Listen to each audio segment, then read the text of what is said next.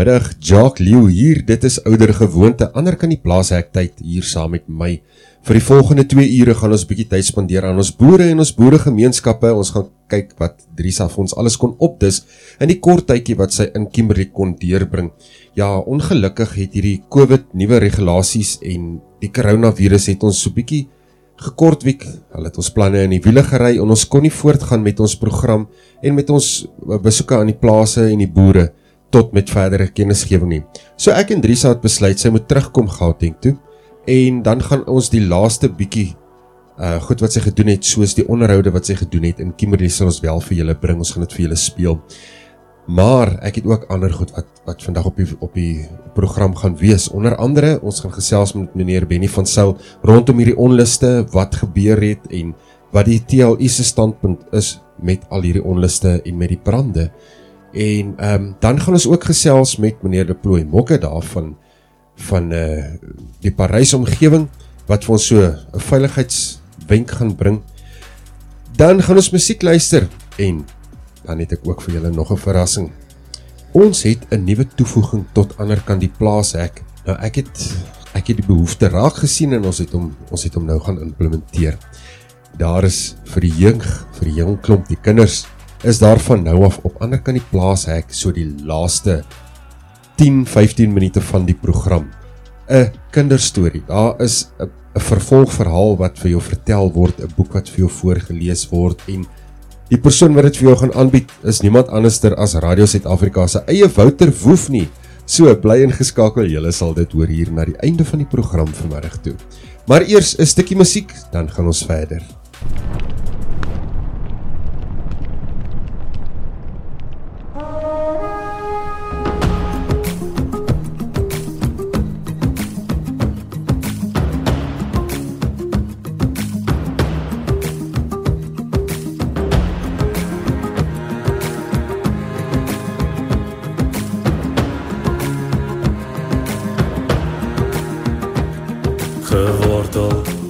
Suide van Afrika.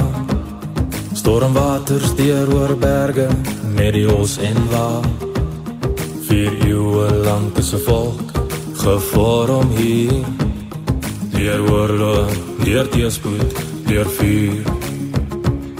Al word daar vir my vir ons gesê dat my herkoms verbo die noorde lê is ek uit hierdie grond verbou. Hier lê my bloed sweet en klippe kou en al word daar wyd vertel op hierdie plek verduur jy hel. Bly ek saai bly ek bou hou ek moet bly ek vertrouw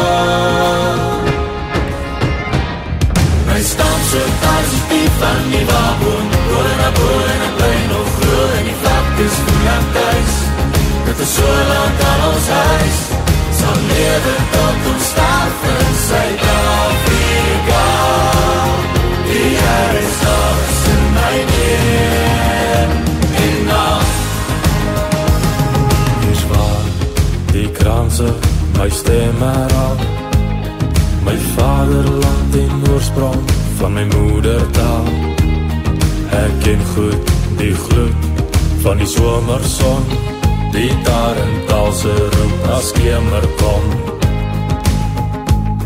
Selfs breek die droogte ook soms my spoor Daar gevat van my en word daar ook nie vergoed. Al die as so ver soos my oor kan kyk sluit ek weer soos die waboom uit. Al word daar wyd vertel Op hierdie plek verduur jy hel. Bly ek saai, bly ek bou Hou ek moet, bly ek vertrouw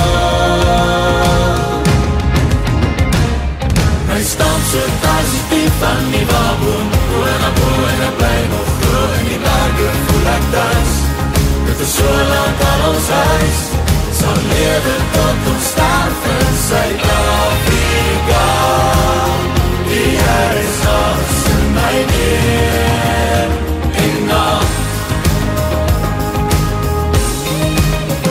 En as die oormacht voor my staan Steek ek braaf my fakkel aan Bly ek bid, staan ek recht Oorgehelfend ek my weg.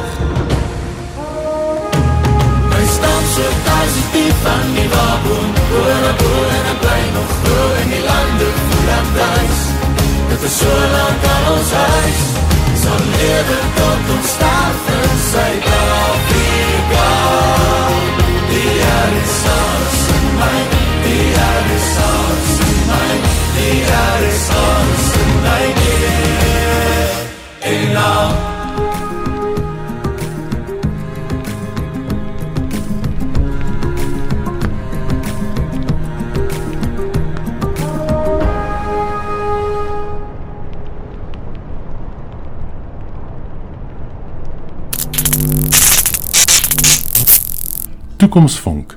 'n organisasie wat ons mense se belange voorop stel, staan met sy voete plat op die aarde tussen ons mense.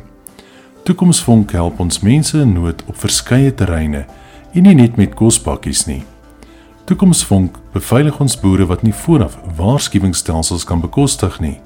Help kinders met beurse, bevorder 'n suiwer Afrikaans by ons kinders en selfs volwassenes. Bewaar ons ware geskiedenis en soveel meer.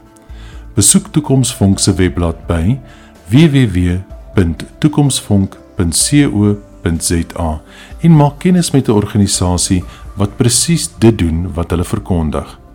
Toekomsvonk se lese vir ons mense deur ons mense. Jy sal 'n enorme verskil vir jou mense maak deur Toekomsvonk te ondersteun. Indien jy Toekomsvonk se handvol sterk met 'n maandelikse bydrae SMS RSA na 44978. Dis RSA na 44978. Sit 'n vonk by jou toekoms. Dit is Toekomsvonk. Toekomsvonk, amptelike borg van ander kan die plaashek hier op Radio Suid-Afrika. En dit was Jan Jan Jan met die RSA is in my DNA. Nou goed, kom ons gaan luister gou 'n bietjie na vandag se snit van meneer Benny van Sail en hy is die hoofbestuurder van die TLU Suid-Afrika en hy vertel ons vandag van die wetswysigings oor die vuurwapens. Die ad hoc groep vir die beskerming van privaat besitreg het op 23 Junie 'n vergadering by TLSA se raadsaal gehou aangaande die nuwe beoogde wetswysiging oor vuurwapens. Nou uiteenlopende organisasies is deel van die ad hoc groep, meer as 50 van hulle wat spesifiek fokus net op die beginsel van privaat besitreg. Nou tydens hierdie vergadering het verskeie ander rolspelers ook ingeskakel.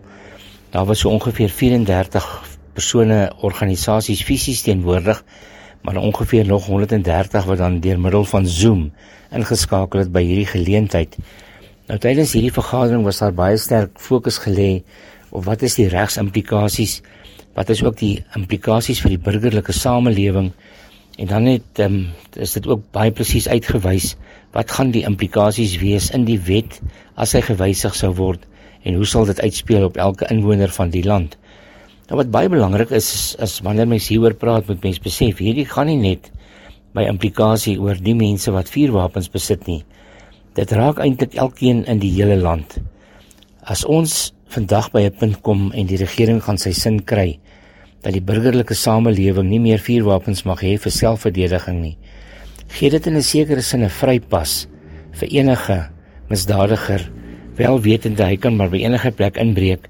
Die mense daar binne is nie in 'n staat om hom um, of hulle dan self te kan verdedig nie en kan hulle dan um, eenvoudig maak en breek soos wat hulle goed dink want ongelukkig sal hierdie wetswysiging die onwettige wapens van die kriminele en die misdadigers nie van die tafel afhaal nie. So jy sal dan sit met 'n gewapende misdadigers element en dan sit jy met 'n ongewapende wetsgehoorsame element. Dit met 'n polisie mag wat regtig op geen wyse in staat is om na die veiligheidsomstandighede van Suid-Afrika se inwoners te kyk nie. So tel Suid-Afrika saam met al die ander rolspelers is baie bekommerd oor hierdie hele aangeleentheid. Daarom sal ons baie dringend na hierdie aangeleentheid moet kyk. Nou die SA Jagtersvereniging het al die verskillende petisies wat maak nie saak watter organisasie hom na vore gebring het nie, het hulle by hulle op hulle webbladsy geplaas. So by SA Hunters se webbladsy kan mense gaan kyk en hulle kan die petisies ondersteun. Daar is ook gepraat van moontlike regsoptrede vorentoe. Daar word ook gesê dat rolspelers nou reeds hulle hand moet opsteek om te sê maar ek wil deel word van die groter poging om seker te maak dat die staat nie kan eensydig voortgaan om ook in hierdie geval 'n um, besitreg te kan onteien nie. Vuurwapens in hierdie geval maar soos hulle ook besig met 'n verskeidenheid van ander aspekte, soos dan ook die hele kwessie van grond. So ons moet vir mekaar vandag sê dat hierdie is 'n baie baie 'n um, gevaarlike neiging van die regering om in 'n klimaat van misdaad soos wat Suid-Afrika tans beleef, so tipe van voorstel tafel toe te bring dat wetsgehoorsame burgers dan eintlik vir die wolwe gegooi gaan word want hulle sal 'n teken wees van enige misdadiger sonder dat hulle hulle self kan verweer. So ons vra vir mense raak betrokke skakel in by 'n petisie, skakel in by 'n organisasie en dan het die vergadering ook baie sterk gesê dat gemeenskappe baie sterk veiligheidsstrukture vir hulself moet vestig op grondvlak sodat hulle vanuit daardie platform hulle self kollektief kan beskerm teen misdaadelemente dat vir ingeval hierdie wetgewing deurgaan wat inderdaad op geen wyse mag gebeur nie maar dat mens dan geposisioneer is om na jouself te kyk. Suid-Afrika het gewis nie hierdie soort van wetgewing nodig nie en moet ons alles in ons vermoë doen om dit te te werk. Die probleem wat ook in die ad hoc groep um, uitgewys was is dat ons praat nie net hier van die beginsel van ehm um, die wegneem van vuurwapens nie. Ons praat hier oor 'n verskeidenheid van ander aspekte wat ook te sprake is. Ons praat van die beginsel van eienoomsreg in sy breë deurdat hulle artikel 25 wil wysig. Die onteieningswet wil wysig en beide dat dit sonder vergoeding kan geskied. Nou die groot probleem is dat ons is besig om in Suid-Afrika 'n ongelooflike sosio-maatskaplike probleem te skep. Ons skep 'n misdaad element want mense wat nie werk het nie, wat nie kos het nie, sal vir hulle gaan kos haal en daarom bou ons in die verkeerde rigting. Suid-Afrika het groei nodig en dit kan net gebeur as daar beleggings kom, as daar vertroue is, as mense begin besigheid doen wat winsgewend is sodat daar belasting betaal kan word. Op hierdie stadium is dit besig om na die verkeerde kant toe te gaan en dit is alles as gevolg van 'n ANC beleidsrigting. So daarom is ons versoek dat u betrokke moet raak, dat ons saam met al die rolspelers wat reeds hulle hand opgesteek het, tafel toe kom en enige iemand wat wil inskakel by die ad hoc groep vir die beskerming van privaat besitreg as strukture is baie welkom om dit te doen. En hulle is baie welkom om teen Suid-Afrika te kontak vir ons e-posie te stuur en ons sal seker maak dat dan die skrywe by die ehm um, administrasie of dan die sekretariaat van die ad hoc groep uitkom sodat u ook in die kommunikasie lys geplaas kan word om seker te maak dat u dan ook deel uitmaak van hierdie groepering mense as wetsgehoorsame burgers om seker te maak dat ons Suid-Afrika kan stabiliseer, want baie duidelik gaan die regering dit nie reg kry nie. Skryf 'n brief en stuur hom na die platte land. Breek die stilte wat karring aan my binnekant. Want ons is soekers, swerwers, soms eie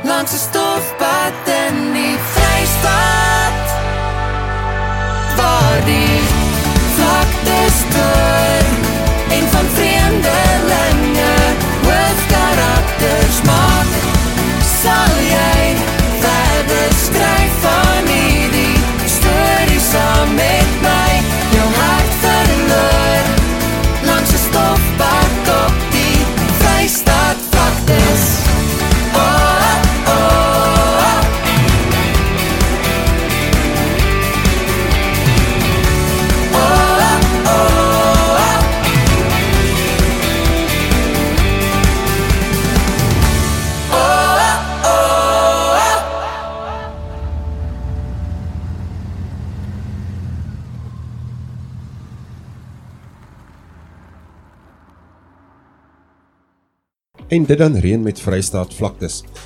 Nou soos ek net nou genoem het, ons het 'n uh, ongelukkig moes omdraai daar in Kimberley. Drisa het self ook siek geword en intussen het hierdie hele nuwe COVID regulasies ingetree wat ons teruggesit het onder 'n vlak 4 of 'n gewysigde vlak 4. En die uiteinde was dat sy nie kon aangaan met die program en met die met die toer deur die land nie. So ons het dit nou net so bietjie op op hold gesit. Ons hou dit vas tot hierdie hele ding nou weer oorwaai. En dan gaan Drisa voort op die pad. Dan sal ons weer vir jou gaan kuier in al die dorpe. Maar ek kon darm so 3 van haar onderhoude. Sy net begin in Kimberley met met haar afsprake. En toe is dit vlak 4. So ek het darm vir jou so 3 of wat snitte daar wat ek vir jou kan speel bietjie later met uh, plekke en mense en dinge wat sy gesien en beleef het daar in Kimberley se omgewing en in die distrik. En sy het ook daarvan ons so snit gebring rondom of kom ek sê so sy was uitgewees Boshoff toe en daar het sy gaan gesels met 'n klompie boere en gaan kyk, gaan ervaar hoe hierdie brande en hierdie droogte hulle benadeel. En ek moet vir jou sê sy was nogal toe sy my daardie aand terugskakel toe sy terug is in haar in haar kamer. Dis toe sy eintlik so bietjie half onthuts. Sy was so nie haarself nie want dit het haar nogal gevat. Dit is uh, moeilik om te sien hoe die manne swaar kry.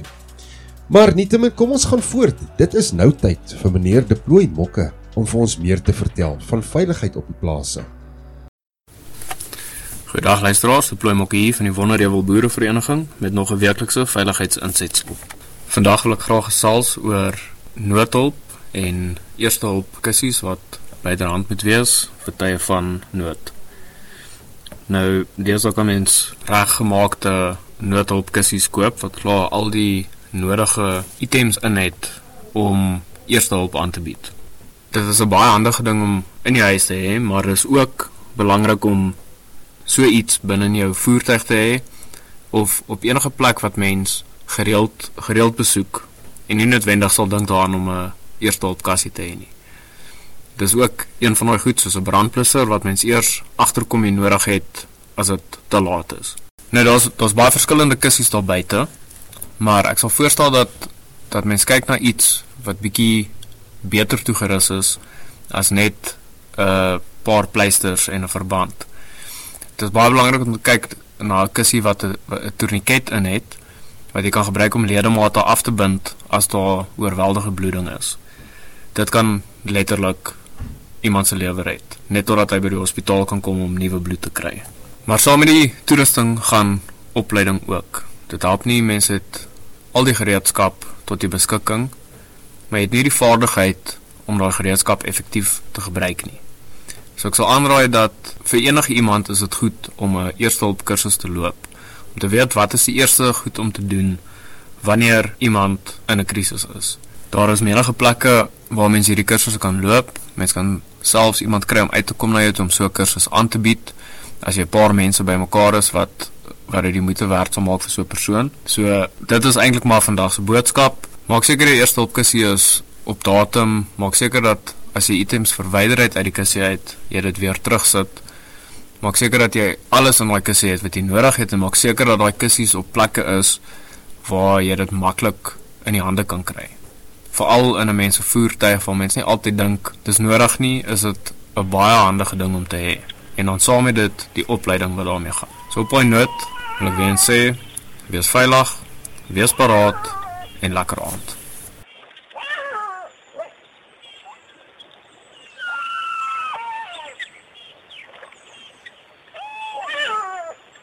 Kokolo V2 Game Lodge is 'n familie- en troeteldiervriendelike jagplaas in die Vrystaat net buite Vredefort. Met 'n wye verskeidenheid van wild is dit geskik vir gesoute asook nuwe jagters. Wildbesigtigingsritte word ook aangebied. Volledig toegeruste kamers met badkamers en ligversorging waarborg 'n gemaklike vertoef, terwyl die kombuis en braaigeriewe gesellige kuiers ontlok. Met behoorlike slag en koelfasiliteite spesialiseer ons ook in vleisverwerking. Ons 900 meter skietbaan, pistoolskietbaan en kleidy fasiliteite verseker sports vir elke skut. Kontak ons gerus vir meer inligting by 082 855 6607 of besoek ons webblad by www.kokolofi2.co.za.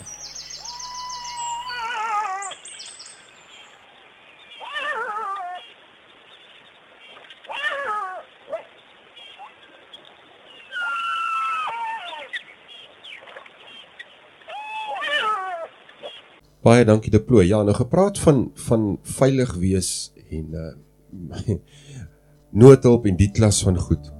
Ons is almal bewus van wat gebeur het in die land hierdie afgelope tyd, hierdie afgelope week rondom die onluste in KwaZulu-Natal en Gauteng wat dan ook oorgespoel het na ander dele van die land. En gelukkig het ek ek lees hulle sê op vir die eerste keer in die geskiedenis van Suid-Afrika het die mense saamgestaan ongeag die ras of dit wit, swart, kleurling, moslim, indeer, dit maak nie saak nie. Hulle het saamgestaan teen die plunderaars en het hulle plekke begin beskerm, hulle het hulle omgewings en hulle residensiële areas begin beskerm. En kan julle glo, selfs die taxi ouens het begin help om om die winkels en die plekke te beskerm. Nou dit wil nogal gedoen wees Suid-Afrika. Kom ons gaan luister 'n bietjie wat het meneer Benny van Sail vir ons te sê gehad oor hierdie onluste en wat is die TLU Suid-Afrika se standpunt daaroor? Sekere dele van Suid-Afrika is besig om in vlamme op te gaan en dit word oor die boek gegooi van dit is mense wat betoog dat hulle die voormalige president Zuma dan nou uit die tronk uit wil kry. Nou as 'n mens gaan kyk na die aard van hierdie tipe betogings dan maak dit net nie sin nie. Dan sit mens eintlik hier met 'n kriminaliteit van mense wat in amper 'n gees van barbarisme hulle self verryk en eintlik vra ek die vraag of baie van hierdie mense wat so te kere gaan en winkelsentrums plunder en afbrand en leegdra of hulle enigsins 'n saak het met of Zuma in die tronk of uit die tronk uit is. En ek dink ons moet besef dat hierdie is 'n proses wat oor tydperk heen as 'n stukkie kultuur van die ANC met sy struggle geskiedenis nog nooit kon uitbreek uit dit uit nie en werklik waar die verantwoordelikheid volledig aanvaar om dan 'n regering te wees waar die mense van die land ten opsigte van hulle toekoms eerste gestel word. Dit sou beteken dat 'n mens moet vir jouself die vraag begin afvra: Wat is sukses as mens kyk na enige land? Nou daar's 'n groot klomp aanwysers wat ek dink 'n mens vinnig kan na kyk. Die een ding is natuurlik of die mense in die land veilig kan woon of hulle in 'n stabiele omgewing is en of daar nie vrees vir dan die onmiddellike elke dag bestaan nie want daar is stabiliteit, daar is 'n gees van verdraagsaamheid, daar's 'n gees van akkommodering en die misdaadvlakke is laag. Iemand voel nie bedreig dat hulle dalk die volgende teiken kan wees vir 'n gewapende aanval, selfs 'n plaasaanval, 'n moord, 'n verkrachting of 'n diefstal nie. Dit is ongelukkig vandag in Suid-Afrika nie die praktyk nie. Ons sit vandag in Suid-Afrika met 'n ongekende mate van weghardloop misdaad. Nou 'n regering in 'n land het twee groot verantwoordelikhede. Eerstens moet hy kyk na die veiligheid van die land se inwoners en die tweede ene is hy moet 'n klimaat skep waar binne die privaat sektor graag sal wil belê en besigheid doen. Nou ons moet ongelukkig as ons nou na die tweede een van die verantwoordelikhede van die regering kyk, dan moet ons ongelukkig ook sê die regering het oor tydperk heen die land ook hier gevul. Die vraag oor beleggings in Suid-Afrika word deur baie ekonome en baie mense vandag gedurig op die tafel neergesit. Ons beleef dat ons regering voortstuur met 'n beleid van die skep van onsekerheid. Sy beleidsomgewing wat hy daarstel, het alreeds veroorsaak dat ons werkloosheid na ongekende syfers toe hardloop. Dit staan nog reeds op 43%. As ons dink aan jong mense, dan is dit al steeds hoër. Praat ons van 46% van mense wat in die groot menswêreld inbeweeg het, maar daar's nie vir hulle 'n werksgeleentheid nie. Nou ja, dit is so dat mense kan sê die mense moet self plan maak.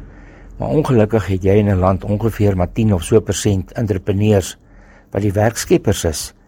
En nou is die entrepreneurs besig om die land te verlaat of bang om te belê, bang om werksgeleenthede te skep, want hy staan voor 'n punt van 'n beleidsomgewing waar die regering kom met aspekte soos onteiening sonder vergoeding en dan weet ons almal dit sluit alle bates in. Dit is nie net landbougrond nie, want die grondwet sê bates word nie tot grond alleen beperk nie.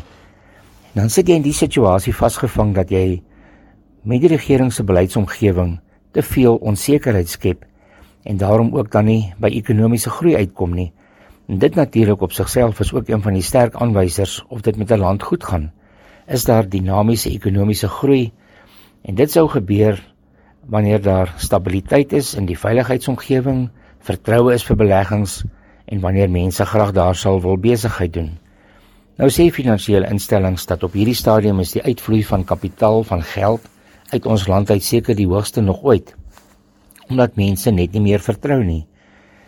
En dan kan jy nie net wanneer jy met die land praat oor die anargie wat losgebars het in sekere dele amper soos 'n pleister op 'n gapende wond net amper aankondig en sê ehm um, ons moet nou die ekonomie weer bou nie. Maar intussen as regering skep jy 'n klimaat waarbinne die ekonomie nie gebou kan word nie. Dit maak dit baie problematies vir enige rasioneel denkende persoon. Nou en hoe hoe mate kom ons by hierdie hekkie verby? Ons moet Suid-Afrika se ekonomie na groei toe vat. Dit is die enigste werklike manier hoe ons hierdie groot sosio-maatskaplike realiteit van Suid-Afrika kan geleidelik begin oplos.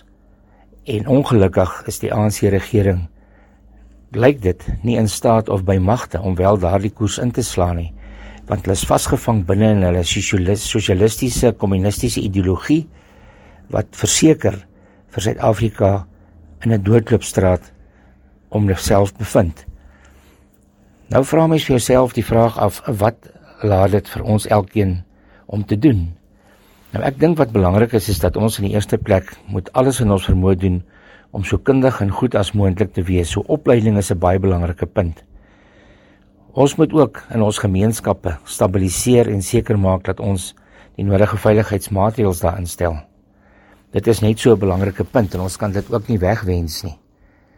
Want as ons mooi eerlik is, dan besef ons dat hierdie konflik binne in die ANC tussen die verskillende faksies wat nou uitspeel, eintlik deursuurdeeg en die ANC is besig om hierdie bed op te maak, maar ongelukkig moet almal van ons in Suid-Afrika dan reeds in hierdie bed slaap. En wat lê vir ons voor? So ja, kom ons stabiliseer so goed soos ons kan. Kom ons wees eerlik met mekaar.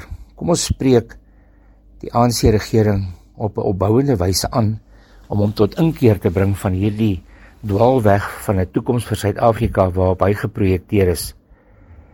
En dan van landbou se kant af is ons baie bekommerd dat ons boere produseer kos. Hulle is positief en hulle bring steeds hulle kant daar op die plaas. Maar as ons gaan kyk na die totale voedselketting, dan is dit juis hy wat nou in hierdie onluste baie seer gekry het. Die vervoer aspek van ehm um, voedsel in watter vorm ook al het sy die rouproduk of verwerkte vorm is erg gekort deur hierdie vragmotors wat gebrand word en wat op die oomblik vragmotors keer dat hulle wel hulle produkte kan gaan aflaai. Infrastruktuur word vernietig, kos word van rakke afgesteel, nie net kos nie, leksiede ook. Dan sit mense en dink op watter wyse kan ons hierdie goed gestabiliseer kry?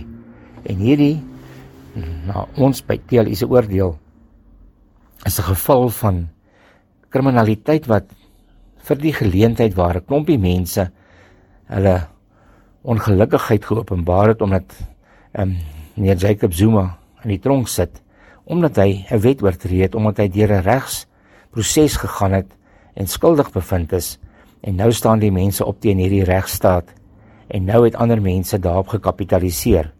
Is dit deel van hierdie sosio-maatskaplike 43% werklose honger mense wat die geleentheid aangegryp het. Maar dit sal vorentoe al meer vir ons 'n probleem bly as ons nie ons ekonomiese beginsels begin neersit in ons land nie dat ons nie die regste regte syne uitstuur dat mense graag hier sal wil belê en besigheid doen nie as ons nie hierdie ekonomie na groei toe vat nie dan sal Suid-Afrika in hierdie rigting met die kleinste vonkie in die kruitvat want ons is besig om 'n kruitvat te bou sal hy elke keer ontplof en dan sal ons weer en weer en weer hierdie tipe probleme kry. Suid-Afrika stuur nie op 'n stabiele omgewing af met die huidige beleidsomgewing van die ANC nie. En dit moet ons oor eerlik wees. En ek dink daai boodskap moet baie sterk uitgaan na elke mens, ook daardie mense wat gaan stem vir die ANC dat hulle besef die ANC is inderdaad besig om ons toekoms en ons kinders se toekoms van ons te steel. Ons kan hulle nie verder ondersteun nie. En ek dink dit is 'n verantwoordelike keuse wat elke stemgeregtigde persoon in die land moet maak om te besef die ANC se interne konflik en hulle magsbeheptheid om hulle self te red in steede om die land te red is die prys vir Suid-Afrika nou reeds te hoog. En daarom dink ek moet elkeen alles in sy vermoë doen om in hierdie verband die verantwoordelikheid tafel toe te bring om te sê wat kan ons doen om te help stabiliseer? En ek dink 'n goeie vertrekpunt is dat almal besef Ons kan dit nie met 'n ANC beleidsomgewing verder doen nie.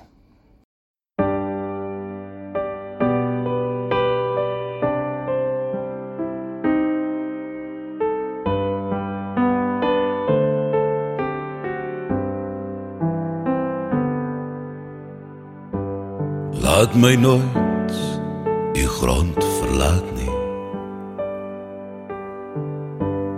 Laat my in die skadu bly. Gee dat elke hart se vreugde en vrees eindelik nietig word vir my. Elke afdraai baie ken Elke keer het ek verdwaal.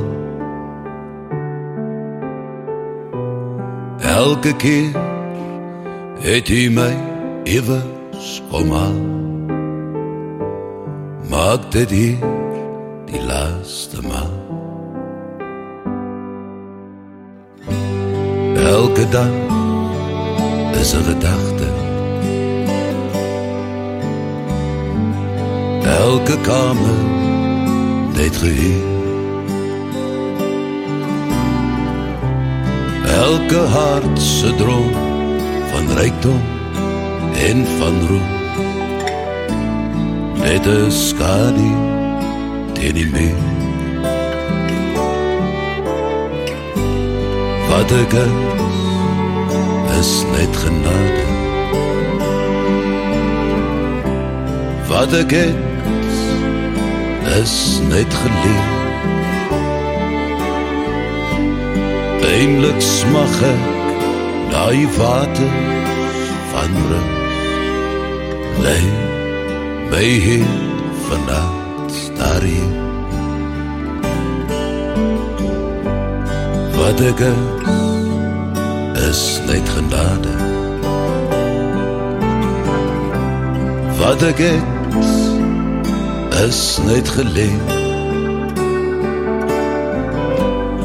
Eindelijk smag ek die waters van rust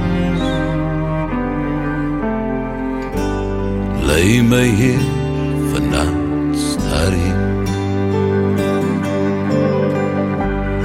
Eindelijk smag ek die waters van rust Lei my hier Vannacht staar hier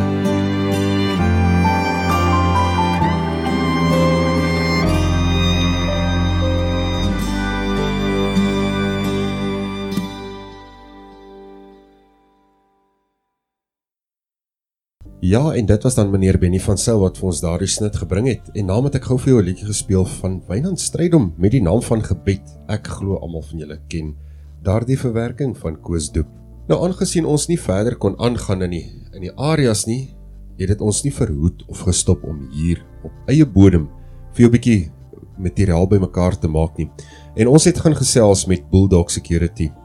Dries het 'n onderhoud met hulle gevoer en baie interessant. Hierdie ouens bou goed wat jy op jou plaas kan gebruik. En weet jy, hulle voer dit uit buiteland toe, so ver as Suidwes en waar ewer jy ook al in die wêreld is.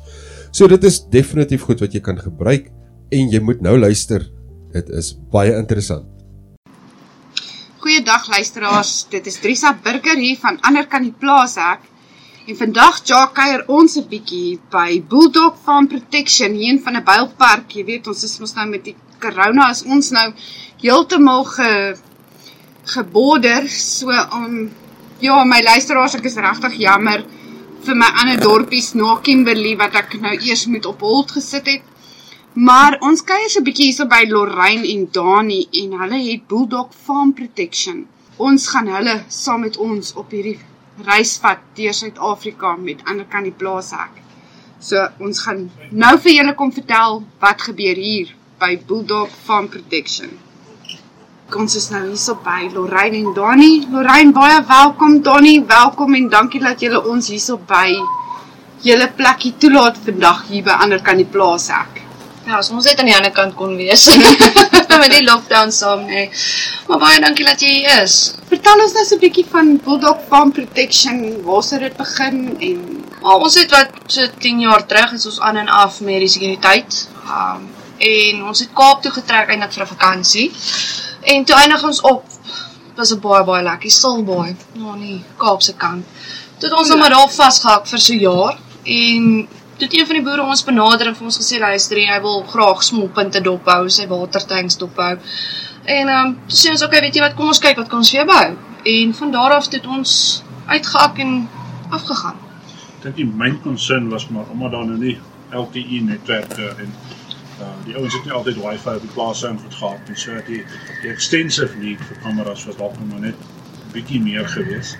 Uh, As wat dit nou en die- normaal was. In die sin van jy kan nie net 'n kamera van 'n draad trek 3-4 km ver na 'n spulpunt of na 'n uh, opstal waar beeste en, en skape slaap by 'n kraal nie. So dit het ons nou maar oorgegaan tot die die SIM-kaart tegnologie. Dit het ons nou begin die 4G routers en goed in die stelsels inbou. Uh, om dan nou vir die kameras wireless capabilities te gee. So ek, dink net dis die die edge wat ons toe nou bereik het 3 jaar terug in die Kaap het ons toe al van Nice. Nou nee, en sorry boere nou maar gevra vir kan ons die vir hulle doen, kan ons daai vir hulle doen want ons doen develop ook. So as as die boer vir my sê, "Right, luister, ek wil graag dit is my doel wat ek graag soek." Dan gaan ons uit ons pad uit en ons bou vir hom wat hy soek. eindeloos, eindeloos wat ons kan doen. En ons het uh ons spulpunt monitering gedoen as die spulpunt se kabels gesteel word, as die spulpunt se ratte nie loop nie, dan spulpunt aan en afsit van jou foon af maak nie saak hoeveel uh hoeveel kilometer jy van die spulpunte af is nie. Jy kan hom aan en afsit, jy kan section vir section monitor as die krag wegval, as daar iets voor die tyre inkom van die spulpunt.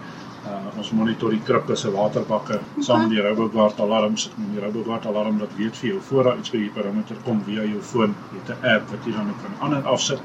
En dan natuurlik het jy dan jou kamera in die middel van die kraal so as jou alarm afgaan en dis dalk net 'n jakkals wat daar rondloop en jou alarm gaan vals af, dan kan jy op jou kamera inlok. Jy hoef nie 20, 30 km uit te ry na die kraal toe.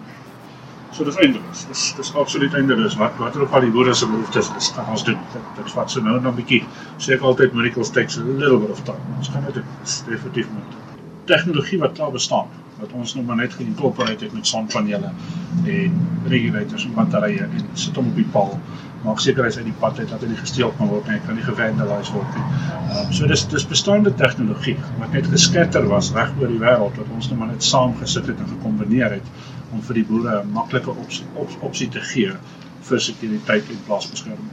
Ek weet in Boshoff was daar en dit is 'n storie wat my verskriklik baie geraak het is ons het 30000 hektar afgebrand. En boere het baie brandskade.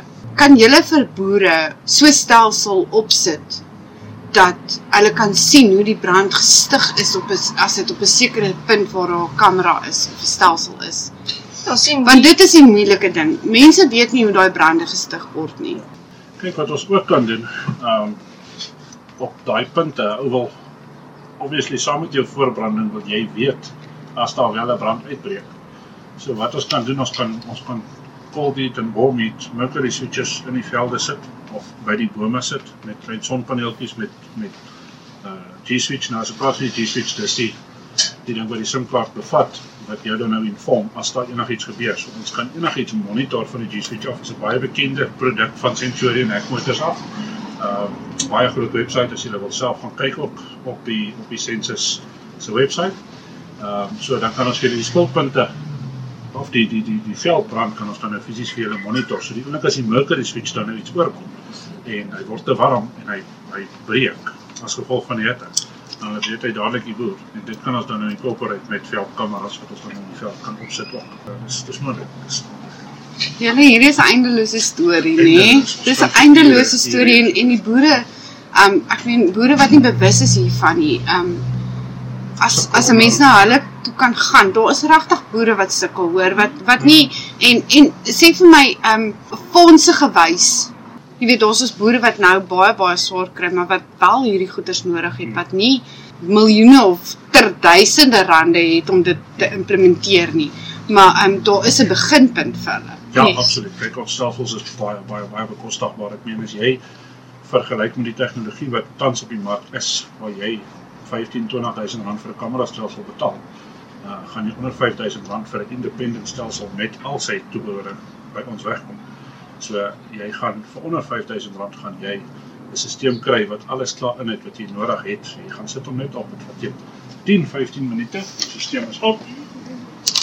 En alles loop 100% as as regtig jy kan nie jy kan nie vir die geldwaarde van ons stelsels kan jy nie uh eers 'n lammer verloor. Ek meen 'n lammer kos nou Yes. 5000 rand. So jy kan nie 'n kalf op die op die veld en ek meen die groot groot behoefte vandag is die is die veediesel. Uh, en dis waar die behoefte kom om te beskerm.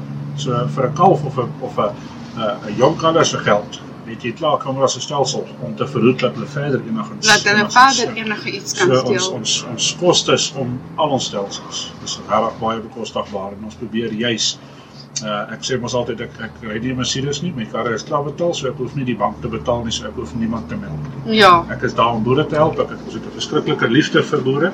Ons gaan uit ons pad uit, ons ry gereeld na boere toe. Ons charge hulle niks petrol nie. Ons vra hulle niks addisioneel nie. Ons vra nie call-outs nie.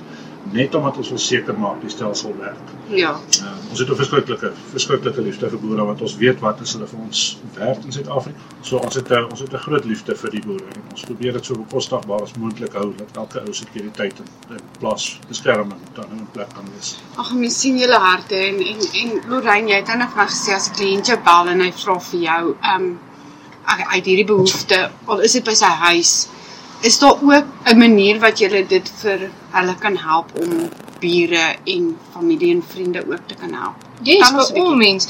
sien die kamera stelsel wat ons nou huidig wat baie populêr is by ons. Mm. Nou op die huidig jy sit hom neer en alles werk van jou foon af. So jy kan basies as jy in die app ingaan, dan sit jy jou login details in en jy sê vir jou buurman, "Oké, right, luister, hier is die login details. Dis hoe die app lyk. Download hom en jy kan help. Um as jy weet van jou boer wat langs aan is, jou goeie buurman wat elke dag by jou kuier en so. So luister, ek sien jy die stelsel, hoe werk hy? Um draai, dis hoe hy werk. Hierso, kom draai die app, kyk hoe hy vir jou werk, kyk hoe is hy vir jou. Dan so kan die gemeenskap ook uitkyk vir mekaar. Wat lekker Is is, ja, sorry Lorraine, ek val jou nou nie rede. Ehm um, wat lekker is van van nie net ons night guard of net ons kamera stelsels nie, al ons stelsels is uh ek monitor jou kameras, jy monitor my, ons monitor saam die pads en ons monitor saam die die klap onder in die straat sin, ons monitor saam die munisipale swembad sin of ons monitor almal mekaar se kameras. So jy jy het multiple kameras wat op jou app lê. Ek monitor jou nie, jy monitor myne en ons almal kan mekaar uur in die oggend wakker bel vir die wat nie hulle notifications hoor nie. Hmm. Maar selfs met al ons ander stelsels, ek meen almal is interface friendly, so jy kan met almal jou app deel, die buurtwag, die brandwag, die uh, manne wat plaasbeskerming doen, hmm. die ouens wat patrollie ry in die aande. Jy kan daai dan nou share, jy hoef nie jou e-mail en jou paswoord noodwendig vir hulle te sê nie. Jy, jy kan nou net vir die naweek as jy mense is wat jy nie te veel kan vertrou nie. Dan gee jy net hulle sharing rights vir die naweek. Ehm um, selfs met die skoolpunt monitering, selfs met die kameras, selfs met die alarms vir die huis, selfs met die roboguards om die stalle.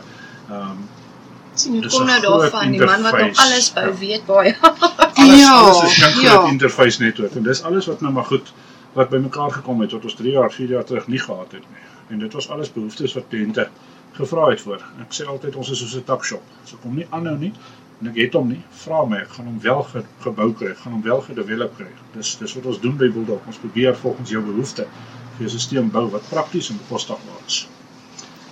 Dit wat jy nodig het, dit gaan jy kry. Ja, sê ons Nee. is ons is soos 'n takshop. As jy 'n chappie nodig het en ons hou hom nie aan nie, gaan ons môre vir jou chappie gaan aan want jy het gevra vir. En dis waar ons as as Bulldog Farm Protection en in die sekuriteits en baie groot deel van ons van ons elektrisiteit is deel van elektries ook want ons stelsels het krag nodig. So ons kan nie altyd sonpanele gebruik nie soos die spulpunte. Uh stuur ons hom vir die boer met met relays en kontaktors en hulle bou hom in hulle bestaande DB borde in. Um, so elektries is ook 'n groot deel van ons van ons werk en wat ons doen. Um, maar ons doen alles op so 'n manier dat die boer dit self kan doen of die local uh, plaaslike elektriesien op die dorp um, wat 'n single phase tester is kan dan ook ons stelsels bou want ons bou klaar die die bord. Ons doen al die schematics en ons werk hom klaar uit en ons toets hom en ons stuur hom net en dis 2 of 4 of 6 draadjies wat die local electrician koppel. So dis Kom dis koppel en de dis aan. Ek sê altyd as ek 'n bees moet spuit, dan gaan hy doodgaan want ek sal dit 10 keer verkeerd doen. So ek gaan nie dat 'n boer sukkel met my tegnologie nie. Ek Ja. stuur dit en ek doen dit so maklik as moontlik. Ek stuur dit vir die boer en hulle kan dit self. Dis amazing. So hoe julle sê julle gaan ver, julle gaan baie ver met dit. So Nou, kyk Ehm, die die ons besigheid is basies ons kan enige plek in die wêreld sit en jou produk vir jou bou en hom vir jou uitstuur. Kyk, dit is nie 'n issue om hom by jou uit te kry nie. Ons gebruik die courier guys um, om die goed vir ons uit te stuur, Namlock. Namibia se koeriers is naamlik. uh, Ja. Ons het uh, Flight Express, ons het uh, NPL, ons het ons het regtig geen probleem om om om 'n produk by jou te kry nie. En die lekker ding is ons het soveel awesome tegnologie. Ons het Skype en ons het Zoom en ons het WhatsApp video calls. So as jy nie regkom nie, vra vir jou, laat jy hom die foon vashou daar oor jou skouer en ek skryf vir jou daar wat ek sien wat jy doen en wat jy nie moet doen nie en voor jouself doodchok werk jou stelsel beloof jy. Ons het tegnologie. Op in ons- 100 mis- op 100%. So my boere in Australië, asseblief, julle kan ook bestel. Julle kan net gaan op hulle webtuiste. Julle Mhm. www.bulldogfarmprotection.co.za Baie maklik. Sê jy www.bulldogfarmprotection.co.za en hulle het 'n Facebookblad. Asseblief gaan kyk wat 'n wonderlike werk hierdie twee mense doen. En ek wil net vir julle sê van ander kant die plaas ek se kant af. Dis 'n eer en 'n voorreg om julle te kon ontmoet. Dit het baie lank gevat, 4 maande om by julle uit te kom. Dit is regtig vir my 'n eer en 'n voorreg en om julle saam met my op die pad te vat. Ehm um, en sodat ons saam kan staan as een volk en ons boere kan bystaan in alles wat hulle nodig het. Dankie julle. Ja, is 'n groot plesier. Dag sê luisteraars, ek is Henny de Bruin van Henny de Bruin en die Gitaarkerels. Jy is tans ingeskakel op Radio Suid-Afrika. Groetnis en mooi dag vir almal. Lekker luister.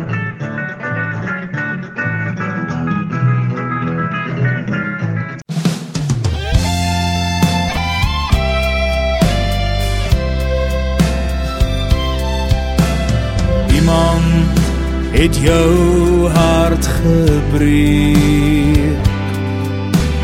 Waarom is die liefde dan so vreed?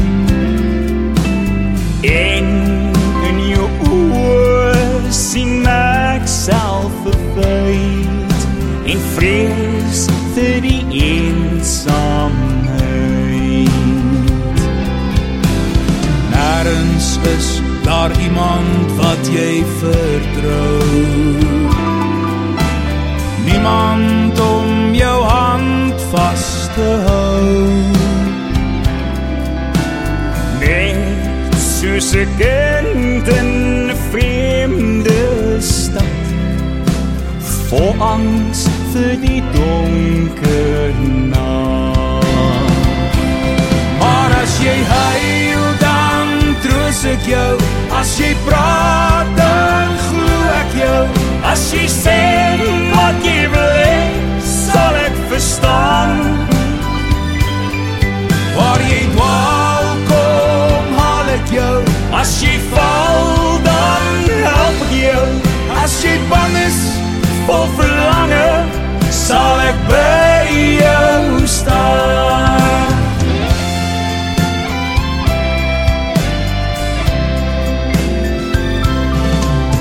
die wonder wat nou en waarheen. En môre lyk vir jou so alleen. En in jou oë sien ek self verwyd en vrees vir die eensaamheid. mis ek jou. As jy praat, dan glo ek jou. As jy sê wat jy wil hê, sal ek verstaan. Maar jy dwaal kom haal ek jou. As jy val, dan help ek jou. As jy bang is vir verlange, sal ek by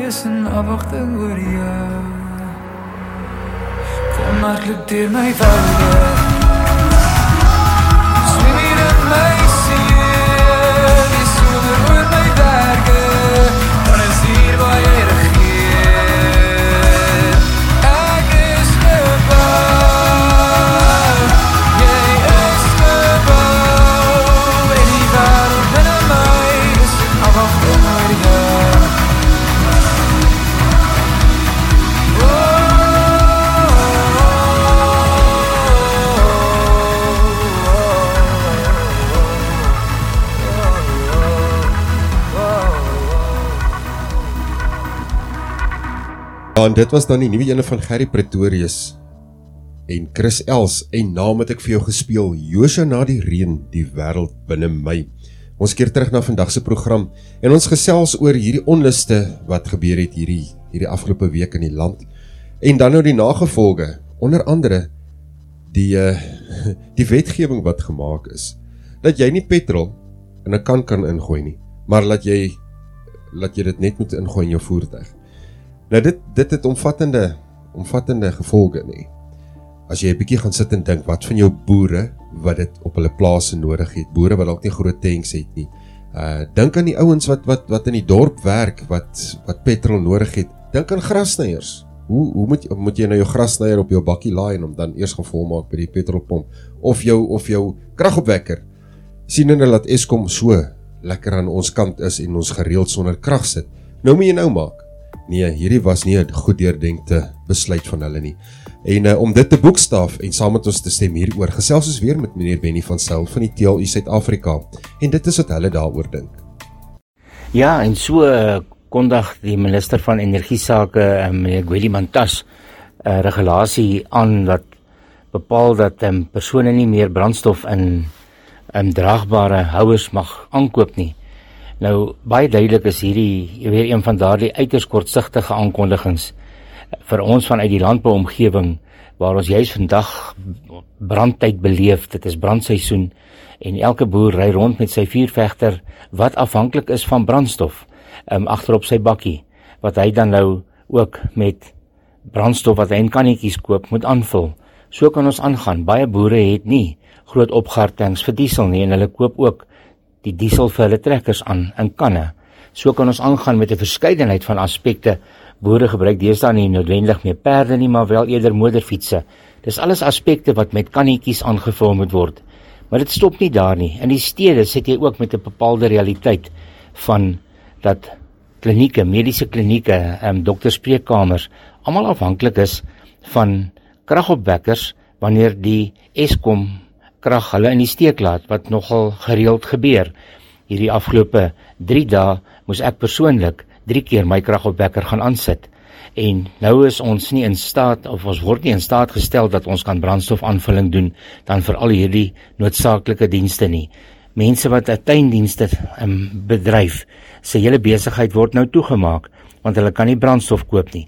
So ek wil werklik waar sê dat dit is 'n uiters kortsigtige toepassing van om 'n probleem op te los. Ons het volle begrip dat hulle bang is dat mense brandstof misbruik, die brandstigting gebeur, maar ek dink daar kan op alle maniere na hierdie saak gekyk word.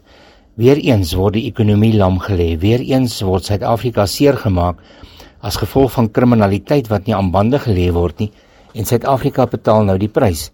Nou tel Suid-Afrika het onmiddellik deur ons kanaal na die departement toe werk gemaak. Ons het ook die politieke partye gekontak En soos ons verstaan is daar in elk geval groot prosesse aan die gang om te kyk in hoe mate kan hierdie saak omgedraai word of dan ten minste reggestel word. Die brandstof ingrepe op net te veel goed hier is 'n totaal onaanvaarbare en ons wil regtig waar hoop dat die regering in die toekoms voor hy enige regulasies aankondig dalk bietjie aanklop iewers waar daar kundigheid is dat mense hom kan adviseer oor wat gaan die implikasies wees van jou beleidsomgewing want die prys wat Suid-Afrika op die oomblik betaal vir die regering se se beleidsomgewing is raak nou net te hoog. Ons kan lank aangaan oor 'n klomp aspekte. Hierdie onrus wat nou in Suid-Afrika hardloop op die oomblik is as gevolg van 'n vertrekpunt as oorsaak ook hulle beleidsomgewing oor tydperk heen het hulle armoede en werkloosheid geskep omdat daar nie vertroue in hulle beleidsomgewing is nie. So ons moet met al hierdie goed teruggaan na die oorsaak toe en gaan kyk wat is die rede hoekom Suid-Afrika opgaan in vlamme? Wat is die rede hoekom Suid-Afrika afgegradeer word na rommelstatus toe? En elke keer kom hierdie goed terug na een lesenaar toe, die ANC se beleidsomgewing. En dit is ook die dilemma wat ons het dat dit wys vir jou in die praktyk wat nou hierdie hele kwessie rondom die brandstofinperking ook weer kortsigtig is. Dis nie deurgedink nie. Dit maak nie sin nie, dis nie rasioneel nie. Dis nie in belang van Suid-Afrika nie omdat hulle 'n ander probleem het van mense wat met brandstof kwaad doen, word die res van Suid-Afrika nou daardeur gestraf. Dit is onaanvaarbaar. Ons sê dankie vir al die rolspelers wat op die oomblik kliphard beklei en probeer kyk in hoe mate kan hierdie ding op 'n ander manier gehanteer word en ons hoop spoedig daar gaan 'n beter uitkoms kom. Think you need to be tested for COVID 19? We offer antigen rapid tests at 250 Rand per test, guaranteed results from 30 minutes. Queues move quickly, and all COVID protocols are enforced to ensure everyone's safety. Visit our Facebook page for more details or email us on assist at medicare24.co.za. Val Mall parking Monday to Friday 8 a.m. to 7 p.m. Weekends and public holidays till 4 p.m. No appointments needed. Medicare 24. Fighting for humanity. Ons het saam geboer. Moer koffie geroer, sy was die ekstra lepel suiker, die bittere my so donkie kar gery. Dis kan loeries fontein, as sy sin kry ek hier dit met tot ons lekker kry. En Dina, Dina, Dina, Dina Grako, jy het my warm was weerloos geterg langs die hand aan berg. Soos jy dans met jou bontrok en jou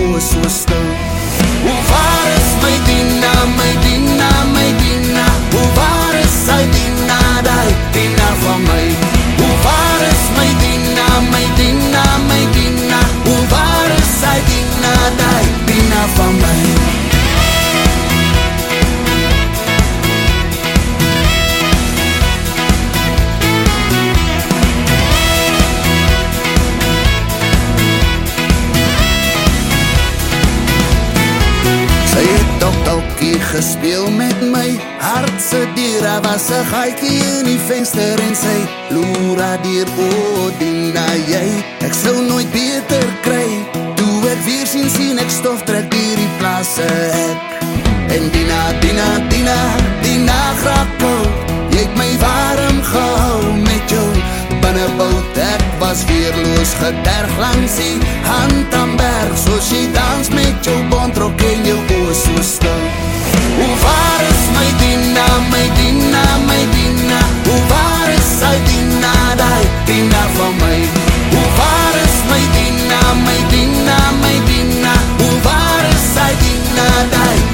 Van my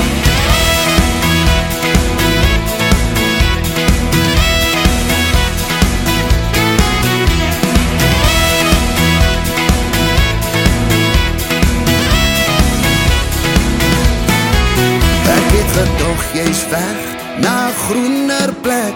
Dit is droog hier in die noordkap dit is harde werk. Toe ek my kop op lig sien ek hoe kom sy terug met die wolke op as kouer sy het reën gebring. En dina dina dina dina grako jy het my warm gehou met jou binnebout ek was weerloos geterg langs die hand aan berg soos jy dans met jou bontrok en jou oë so stil. O hier is my Dina, my Dina, my Dina. O hier is my Dina, sy's terug by my. O hier is my Dina, sy's terug by my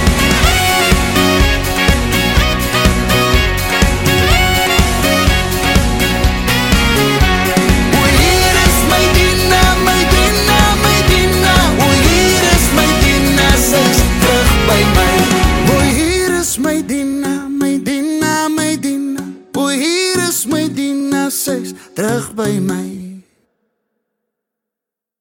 En dit was Appel met Dina gewees. Nou kom ons gaan voort. Ons gaan nou 'n bietjie 'n draai in Kimberley maak en uh, ek gaan vir jou daardie snitte van Drisa bring wat sy vir ons opgeneem het die tydperkie wat sy in Kimberley was. Neem wel kennis, ons gaan vorentoe weer terug na die area. Ons gaan terug op ons roete en ons gaan voortgaan waar ons opgehou het. So ons sal weer 'n draai in Kimberley maak om om daar te begin en dan verder aan te beweeg. Maar nietemin, Kimberley, hier is 'n bietjie inligting vir jou. Wanneer iemand by Kimberley wil gaan draai maak, dan moet hulle seker maak hulle gee genoeg tyd om regtig uiteenlopende besienswaardighede te gaan ervaar. Kimberley met 'n ryke geskiedenis. Maar as ons oor Kimberley praat, dan kan ons nie anders as om oor diamante te praat nie. Dit is natuurlik um, die rede vir sy ontstaan en dit het 'n ontsettende groot rol gespeel um, oor tydperk heen.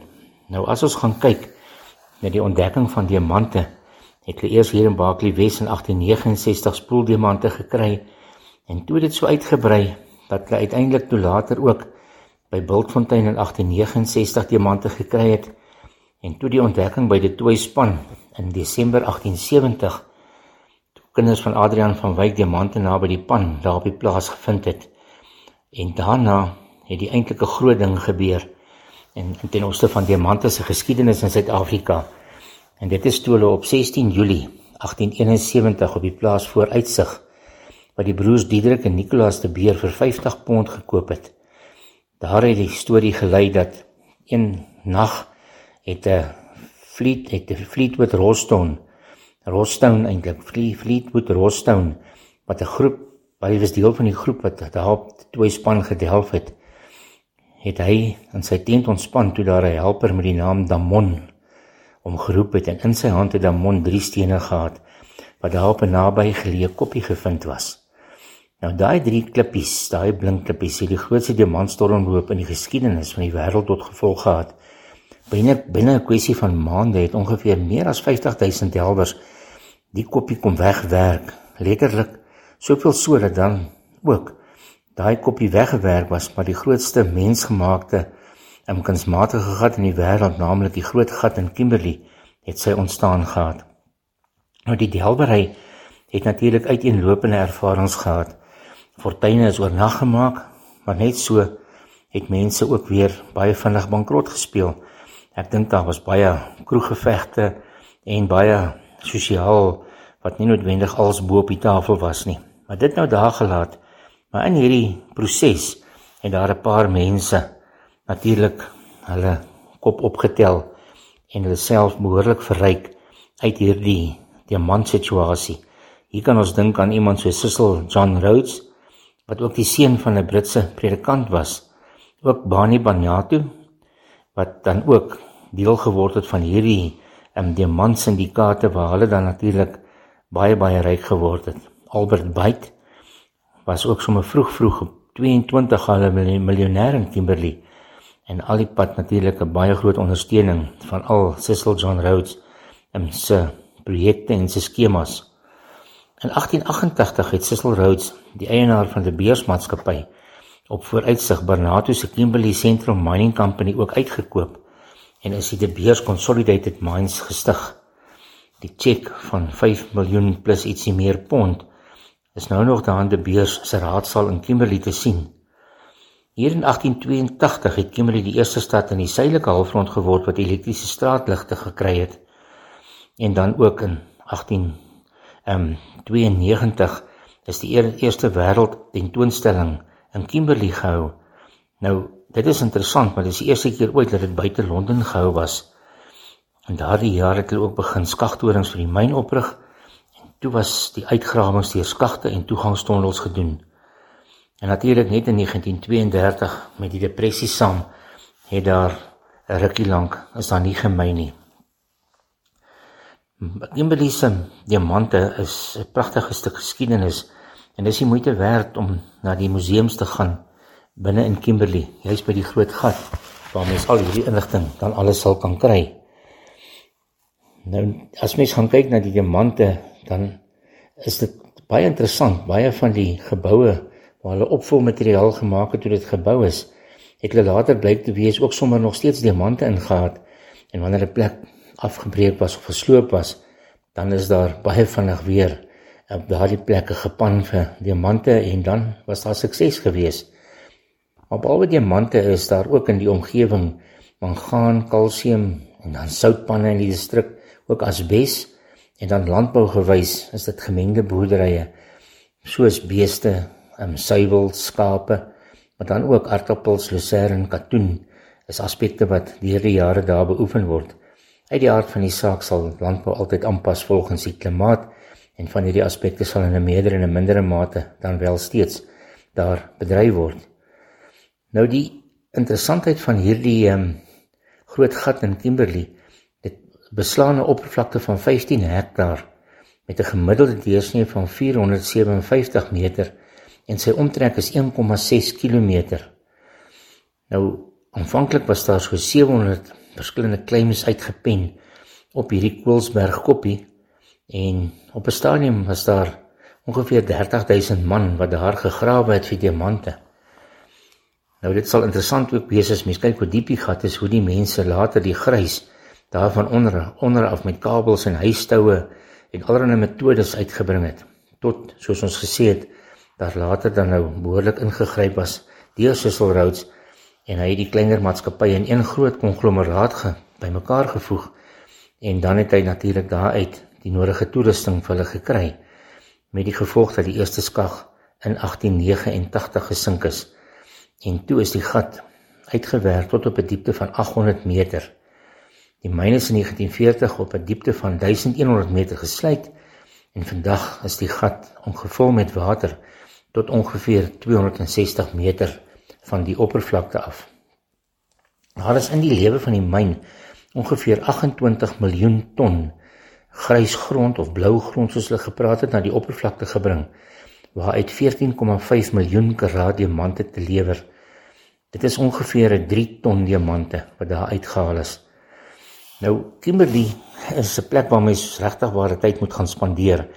Daar is regtig 'n ongelooflike stuk geskiedenis met baie monumente en standbeelde en baie militêre stuk geskiedenis ook met dit dat Kimberley hier in 1899 ook deur die boere beleer was met die Tweede Vryheidsoorlog het daar 'n groot klomp dinge rondom dit ook gebeur want die hele opmars van die Engelse van Hopetown af om Kimberley te kom ontset het 'n klomp ehm um, slagvelde teweeggebring as 'n mens gaan kyk jy weet soos jy optrek van Hopetown af na Kimberley toe dan het mens daar ervaar dat jy dan 'n hele klomp plekke gehad het soos Belmont, jy het gehad Graspan by Sunnyside, jy het gehad Modderrivier en al hierdie prosesse het sy verloop geneem en dan ook die slag van Magersfontein daar waar die boere die Britte behoorlik opgekuil het met dan die nuwe tegniek van om die loopgrawe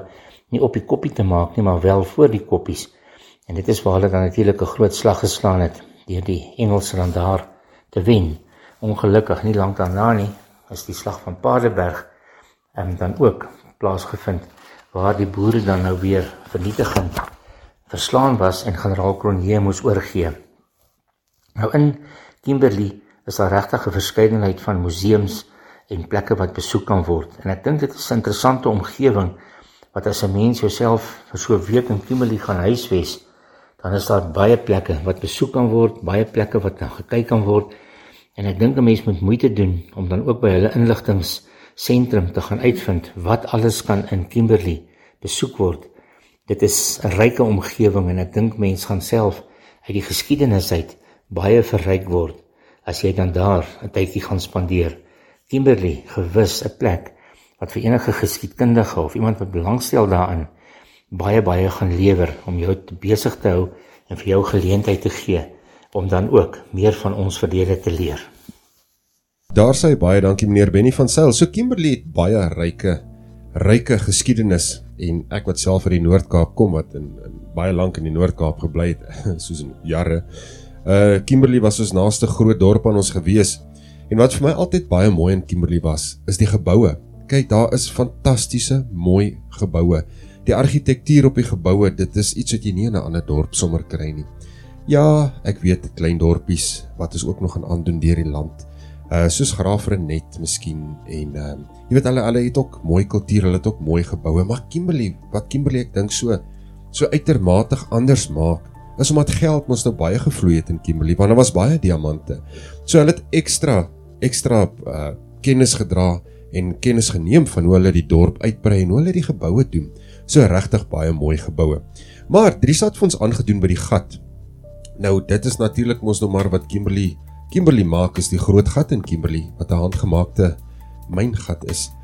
En uh sy het gaan gesels met Tannie Anne Marie en Tannie Anne Marie het 'n besigheid met die naam van The Jewel Box. Nou haar man was 'n gesiene man gewees in Kimberley uh veral wat die diamante aanbetref. Hy's 'n kenner in diamante en uh, outomaties het hulle dan nou ook die winkeltjie en nou meer as een winkeltjie oopgehad. En hierdie winkels is as ek reg kan onthou oor die 40 jaar. So dit is 'n gevestigde winkel en nogal ek wil amper vir jou sê 'n geskiedkundige mens met met wie Drisa geselsie aangekoop het. Kom ons gaan luister Drisa die onderhoud met Tannie Anne Marie. Hallo julle, dit is Drisa van ander kan die plaashek. Ons is nou hier by die gat in Kimberley. Ons kuier bietjie hierdie week met ander kan die plaashek in Kimberley en ons gaan nou kyk wat gaan hier aan.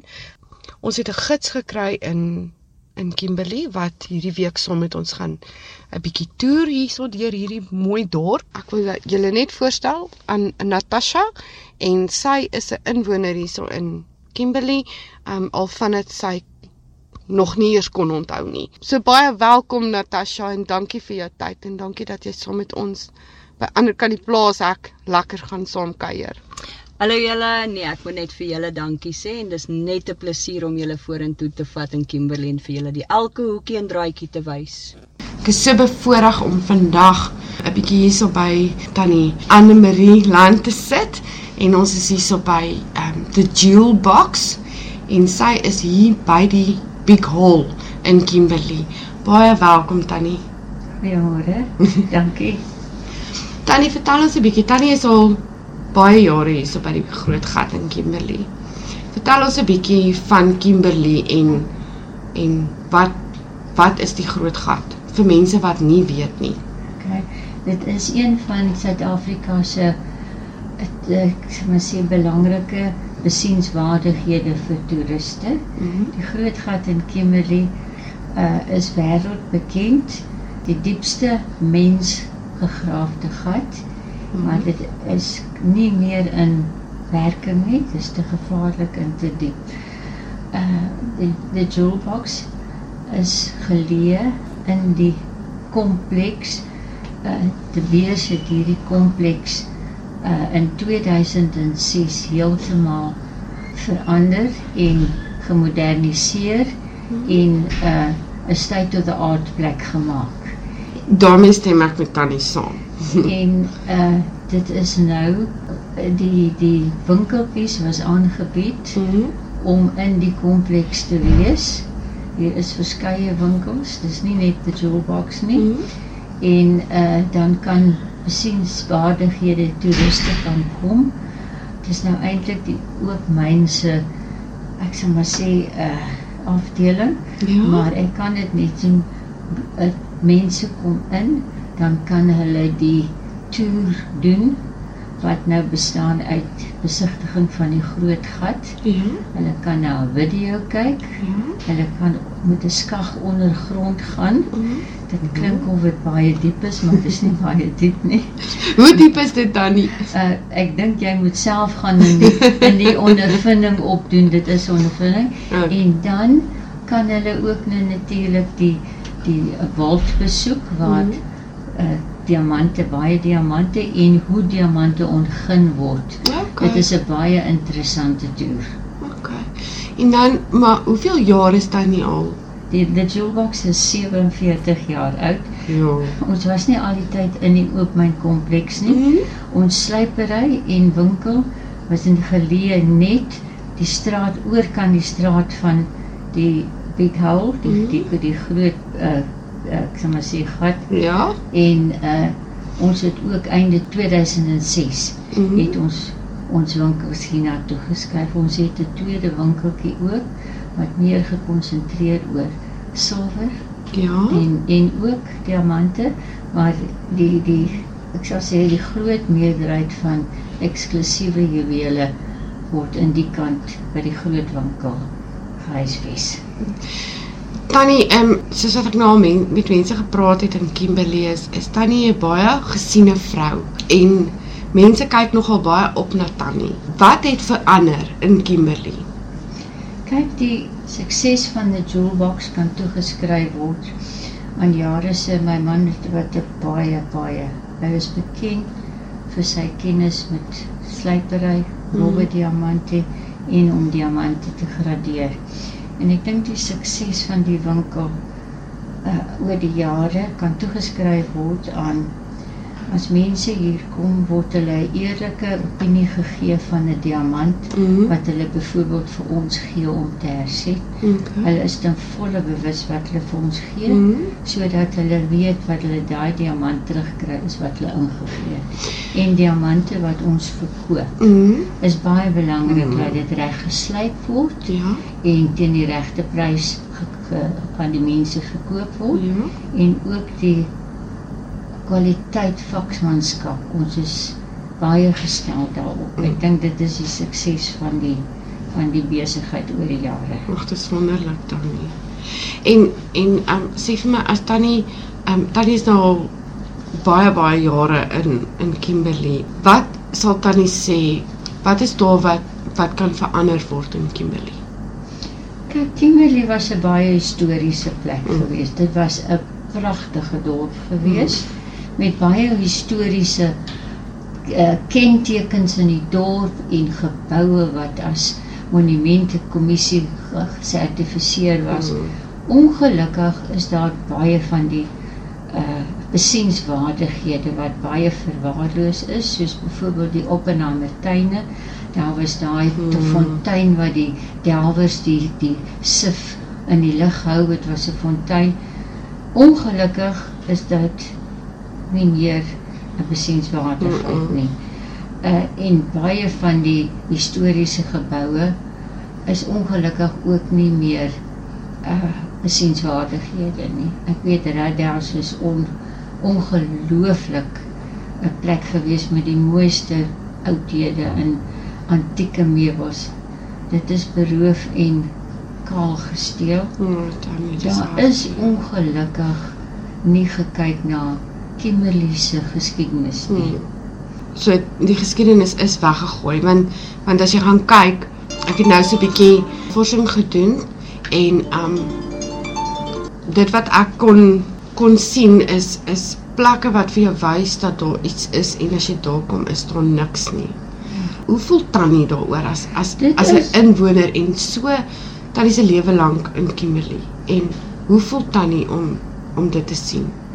Dit is baie baie hartseer om te sien hoe die dorp agteruit gegaan.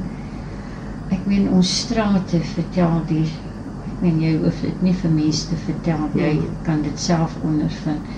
Dit is baie baie tragies Mm. dat so 'n 'n 'n stad, ons is 'n stad Mm. met soveel geskiedenis uh agteruit gaan. Uh jy weet, ehm dit is byvoorbeeld as mense vir 'n naweek Kimberley toe kom, nie net vir die groot gat nie. Ja. Daar was soveel so baie om te doen. Baie oud uh, uh oudhede en plekke, besienswaardighede wat die geskiedenis vertel Hmm. wat nou ongelukkig nie meer daar is nie. Dit is baie baie baie baie hartseer. Ja. Ehm um, nou Tannie, as as ons nou vir mense mense kan sê dat alles is nie all all is not bad in Kimberley. Mense moet nog steeds kom en kom kyk wat wat regtig hier aangaan en en met mense praat om te hoor wat die regte geskiedenis is en die mooi geskiedenis van van Kimberley. Wat sal Tannie vir mense sê om hier nou toe te kom? Kyk, Kimberley se mense is nog Kimberley mense wat graag mense besoekers hiernatoe wil lok. Hmm. En ek is seker die mense wat in die posisies is om 'n 'n 'n besighede te te ek maar sê eh, te kan aanbied en selfs toergidse Hmm. is nog baie baie uh, aktief besig om Kimberley se geskiedenis aan mense te vertel. Dit is baie belangrik. Hmm. Daar is gidse wat 'n uh, fenomenale kennis het van Kimberley se Ja. se geskiedenis Ja. en hulle kan mense nog vir 'n naweek baie baie aktief besig hou Ja. met die geskiedenis Nou ek moet vir Tannie sê dat my ondervinding so ver is van Kimberley. Ek weet dit is hartseer. Ek praat met die mense. Die mense is hartseer oor die dorp wat vir hulle agteruit gaan. En ons wat nie weet nie, is dit vir ons 'n pragtige dorp. Want toe ek hier inry Sondag, het ek gesê, "Wow. Ek kan nie glo ek ry in so 'n mooi plek in." Die gevoel wat 'n mens kry as jy as jy inry in Kimberley in. Dit voel huis. Jy voel jy voel nie onveilig nie. Jy voel nie ongeag van wat die negatiewe om jou is, voel jy die positiewe. En dit is wat vir my mooi is. So is dit nog al die jare so. Kyk, daar is soveel soos ek sê instansies byvoorbeeld Nokkie. Hulle gaan uit hulle uit om Hmm. Kimberley aan te bied, Hmm. nie net aan Suid-Afrikaners aan die wêreld. En ek dink die die, grootste meerderheid van Kimberley se inwoners uh smag daarna Hmm. om vir mense aan te bied wat hulle graag wil weet. En ek daar is ook soos ek sê mense wat probeer om die uh kwaliteit en om die gehalte van Kimberley te herwin. Ek meen dis ons almal se se uh uitgangspunt Ja. dat ons nie Kimberley moet verder agteruit laat gaan nie. Ons moet dus daarna streef om hom vooruit te gaan en ons vra almal om saam te staan om dit te doen dat ons weer Kimberley na sy ou vleur toe kan aanbied. Aanbied vir die mense. En ons is opgewonde want die blou trein is op pad, Tannie. So, vertel ons 'n bietjie wat gebeur as die blou trein kom. Die blou trein kom in op die stasie. Hy het ook natuurlik ongelukkig baie uh uh, uh ek sal maar sê uh, daar is tye wat hy nie op tyd kan kom mm. -hmm. as gevolg van kabels wat op die pad gesteel is Ja. en uh maar kom ons vat dit nou as dit hy 'n dag betyds is soos vandag. Ja. hy stop op die stasie. Ja. Uh Newton Toure, die busse gaan haal die besoekers, bring hulle na die groot gat toe. Uh hulle ry ook ander roetes baie keer om hulle die dorp te wys. Mhm. En dan klim die mense af by die groot gat. Hulle kan die toer doen. Meeste van hulle, hulle kom met hulle eie gidse. Elke bus het sy eie gids. Maar jene en dan uh, daai gids op pad word hulle nou 'n soort van 'n uh, aanbieding verduidelik wat hier is by die groot gat. Dan klim hulle nou af en daardie gidse vat hulle deur die toer. As hulle klaar is met die toer en daar's tyd, as hulle op tyd was by die stasie, word hulle tyd aangebied om by die winkels 'n uh, 'n uh, 'n besoek af te lê. Oh. Uh en dan is daar ook buite die die die kompleks is daar die museum, Mhm. die ou winkels en die ou uh, uh besighede wat uh na sy oorspronklike uh ek sal maar sê karakter Ja. teruggevat is. Die ou winkeltjies daar en hulle kan die toer doen buite hulle self van die museum. Mhm. Daar is baie goeie restaurant ook. So eh, dan ongelukkig het hulle nie die hele dag tyd nie, maar dit is wat die blou trein kan doen as hulle die groot gat besoek. So mense, julle moet daai blou trein klim en in Kimberley kom kuier regtig. Dit is not all bad. Dit is beautiful. Vir my is dit 'n beautiful plek.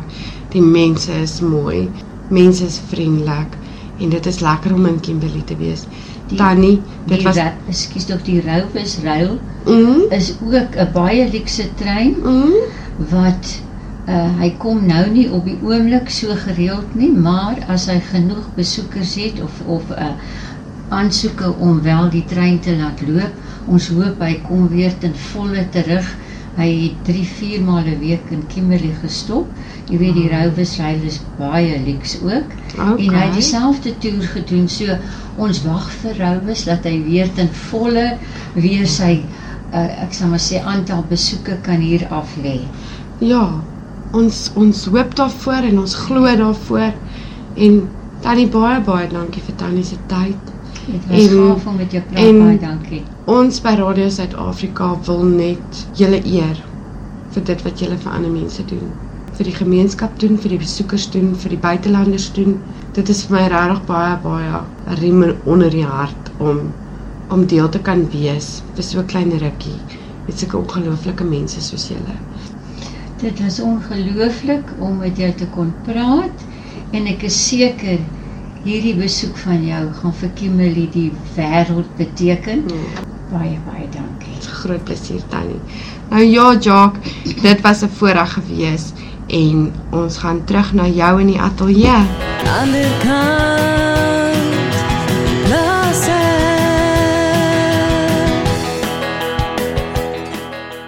Baie dankie Drisa. Nou ja, nou gaan luister ons gou-gou na daardie snit wat Drisa vir ons gedoen het oor die die brande en ehm um, wat sy in Boshoff vir ons bymekaar gemaak het. Drisa, vertel ons gou.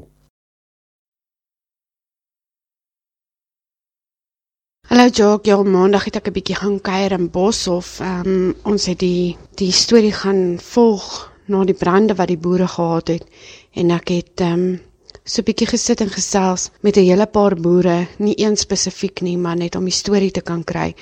So kom ek vertel julle so 'n bietjie wat het gebeur op die, met die Boshoff-brande. Dit is eintlik 'n baie baie hartseer storie want op 20 Mei het ongeveer 30000 hektar weiding in die distrik van van Boshoff ehm um, afgebrand. Volgens die boere kan dit nie op 'n slegter tyd vir hulle gekom het nie. Daar is nie reën vooruitsigte nie. Jy weet, die voere vir die boere is nie is nie daar nie. So hulle is nou afhanklik van hulp van buite af. Anders as met die vorige brande wat in die omgewing was, is daar nie soos wat ek gesê het, ehm um, daar is nie 'n onmiddellike vooruitsig vir reën vir hierdie boere nie. En die boere kry swaar hierso. Jy weet aan die een kant van van die Wes-Vrystaat tot aan die ander kant van die Noord-Kaap. Aan die een kant is dit is dit brande aan die ander kant is dit droogte droogte. So ehm um, daar is 'n paar organisasies wat help soos Bidde Burger en hulle gee vir die boere, jy weet hulle kyk maar waar kan hulle help en waar kan hulle wat doen. Uh, daar sê dit omtrent so 'n stop op hierdie stadium so 7000 skape wat sonder veiding is en wat nie kos het nie. Uh beeste het nie voer nie. Plaashuise het afgebrand, boere het alles verloor. Um dit is net 'n ongelooflike oorweldige situasie, jy weet as as jy so sit met die boere en en jy praat met hulle en jy sien die trane in hulle oë en hulle weet nie daar's geen hulp van die regering af nie. So Vrystaat Landbou het reeds toe nou gereël op daardie stadium dat uh voerkorrels wat hulle gaan haal het en jy weet hulle was in samewerking met uh Sernik se uh voer af delings en um, 30 ton voerkorrels was toe nou beskikbaar gestel vir hierdie boere, maar nog steeds, jy weet vir die volgende 6 maande het hierdie boere niks nie. En daar is geen geen hulp van enige kant van die regering af om hierdie plaasboere te ondersteun in in kwessies soos veldbrande nie. Die boere moet maar self sien en kom klaar en jy weet hulle al die boere moet bymekaar kom om om hierdie brande te blus. So hulle stel basies hulle eie lewens, hulle werkers se lewens in gevaar en daarop is jy weet die boere is moedeloos. Ehm um, as jy na hierdie boere kyk aan hierdie kant, hulle is moedeloos. Dis dis vee, dis wild, dis dit is dis alles wat van kant gemaak moet word. Ehm um, skape wat doodgebrand het, beeste wat doodgebrand het. Jy weet landerye wat afgebrand het. So maandag het ek nou regtig besef jy weet hoe swaar ons boere regtig kry en brandstigting. Ons het so rukkie terug met 'n plooi het hy vir ons 'n um, veiligheidswenk oor brande gegee en dis 'n werklikheid hierdie. Jy weet mense ry en gooi goeders by die vensters uit of jy weet dis winter, die mense maak vuur om warm te bly en dit kos op die einde van die dag vir die boere baie hoor. Ehm um, hierdie boere kry swaar op hierdie stadium. Ehm um, as jy so in bos of in ry dan kan jy sien dis klaar, dis droog, dis weet niks niks in daardie dorpie maak hierdie mense opgewonde nie. Deur alles deur wat hulle verloor het. Dan as jy so terugry Kimberley toe, dan sien jy die die droogte en jy sien hoe die mense eintlik swaar kry met min veiding vir die vir die vee, die wild. Jy weet dit is dit is 'n seer saak en dit is 'n teer saak en en ja, So ek dink as 'n volk en 'n nasie, jy weet die jammerte wat ek voel vir daardie boere en glo vir my, hulle is nog steeds positief. Maar die seer en die jammer wat jy kry in jou hart as jy met hulle gesels, dit raak 'n mens. En om sommer 30000 hektar van plase te verloor as gevolg van 'n brand is nie 'n maklike storie nie. So die opvolg daarvan is dat hulle dringende hulp nodig het. Hulle het regtig dringend hulp nodig hierdie boere. Vir almal wat al betrokke is, wil hierdie boere net almal sê dankie. En ja, ons ons wens dat daar net 'n reën sal kom en dat die volgende seisoen vir hierdie boere net 'n ongelooflike pad sal wees. Ander kant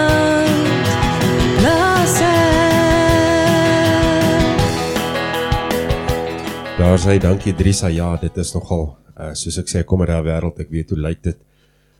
Maar hy's ook hy is ook 'n uh, wêreld wat as hy net 'n bietjie reën kry dan lyk hy sommer heeltemal anders. Nou goed, kom ons gaan luister wat Alet vir ons opgedis het vandag daar in die plaas kombuis en sy het vir ons klein koekies gebak. Lekker man. Kom ons gaan luister. In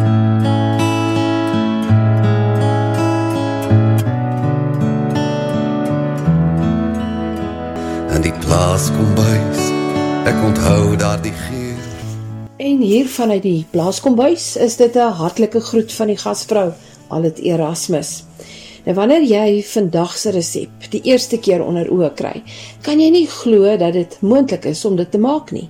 Drie bestanddele, geen meel of eiers nie en die eindresultaat is 'n bakplaat of 2 vol klein koekies. Hoe is dit moontlik? Helaas, dit is moontlik. Dit word vinnig aangemaak, balletjies gerol, platgedruk en gebak. En daar het jy heerlike koekies vir teetyd. Nou iemand het die basiese resepte ook verder aangepas en grouwe muesli en gekapte neute bygevoeg wat dit 'n heerlike grouwe koekie gemaak het. Nou die oorspronklike resep, ek gaan vir u die vinnig die drie bestanddele gee want dit is baie maklik en ek gaan dit in elk geval vir u gee wanneer ek dit eh, met die aangepaste resep ook dan nou voorgee. Die oorspronklike resep sê 1 koppie suiker, 1 koppie grondboontjie botter en 1 eier. Meng dit, rol balletjies, druk plat met 'n vurk, plaas op 'n gesmeerde bakplaat en bak by 180 grade Celsius vir 5 tot 8 minute. Soos jy nou die basiese resep wil maak, dan is dit 1 koppie suiker, 1 koppie grondboontjie botter en 1 eier wat u gaan meng. En dan nou platdruk, balletjies rol platdruk en dan bak in 'n oond wat by 180 grade Celsius vooraf verhit is en dan bak jy dit so vir 5 na 8 minute. Maar die aangepaste resep kry een bestanddeel by, naamlik muesli. Maar kom ons skryf vir eers gou die resep neer vir die grondbone botter koekies. U het nodig 500 ml grondboontjie botter. 500 ml grondboontjie botter. Nou ek het die grouwe grondboontjie botter gebruik met die gekapte grondbone daarin. Dan 375 ml muesli. 375 ml muesli. 500 ml wit suiker. 500 ml wit suiker. 2 ekstra groot eiers. 2 ekstra groot eiers, 'n knippie sout en dan rooi en groen kersies. Dis nou hierdie rooi en groen glanskersies wat ons gaan gebruik vir versiering op die koekies. Ons meng alles saam, al die bestanddele word saam gemeng. Jy maak ook 'n neutgrootte balletjies en plaas dit op 'n gesmeerde bakplaat. Druk dit nou effens plat met 'n vurk se agterkant. Plaas 'n rooi of 'n groen glanskersie wat jy nou bietjie kleiner gesny het op elke koekie. Bak dit in die vooraf verhitte oond van 180 grade Celsius vir ongeveer 5 tot 8 minute. Hou veral die eerste baksel dop sodat die koekies nie brand nie. Laat dit dan afkoel op die bakplaat en lig dit daarna af met 'n eierspaan en dan kan u dit laat heeltemal afkoel op 'n draadrakkie en dit dan verpak in 'n lugdigte houer. 'n Heerlike koekie wat sommer so warm word in jou mond. Die beslag is ook nie so groot nie terwyl die bakplaat in die oond is, kan die koffie maar so lank gemaak word. En met my beker koffie in die een hand en 'n koekie in die ander, groet ek hier vanuit die plaaskombuis. Tot 'n volgende keer. Totsiens.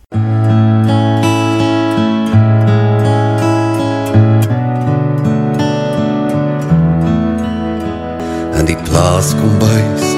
Ek onthou daardie geur. As ek heeldag deur pad ry en my bakkie in die stad moet bly, wil ek die grondpad slaan. As die stad my in wil sluk, is dit tyd om my reg te ruk. Dan maak 'n man mos 'n plan. Ja, man, maak 'n plan. Het jy ook nog genoeg gehad? Van die 8 tot 5 my maat. Wil jy ook grondpad slaan? As die reëls jou siel opvreet, laat ons al die mure breek. Dan maak 'n man mos 'n plan. Ja, man, maak 'n plan. Trek vir jou 'n kortbroek aan. Knap vir jou 'n biertjie man. Steekie Bosveld die Vian. Dis mos nou die lewe man. Almal in my lapa saam. Met die Bosveld die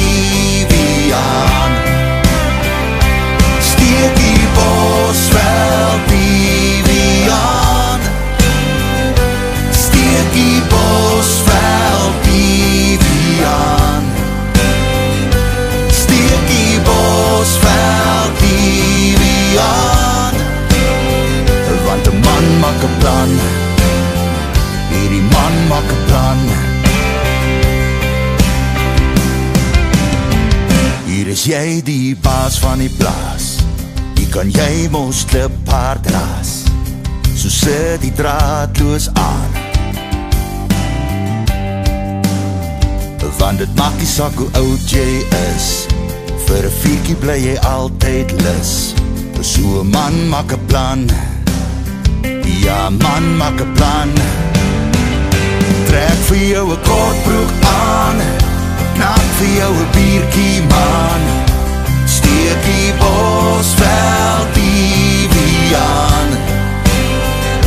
Dis mos nou die lewe man. Almal in my lapa saam. Met die Bosveld die Vian. Steekie Bosveld die Vian. Steekie Bosveld die Vian. Steekie Bosveld die Vian. Want 'n man maak 'n plan. Hierdie man maak 'n plan.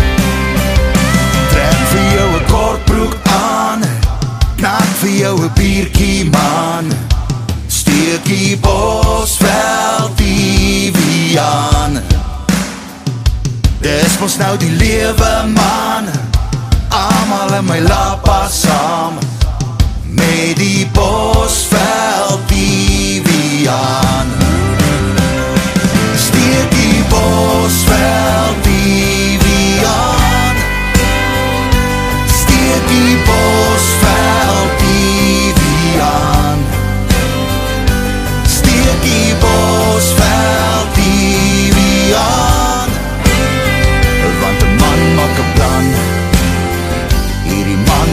plan.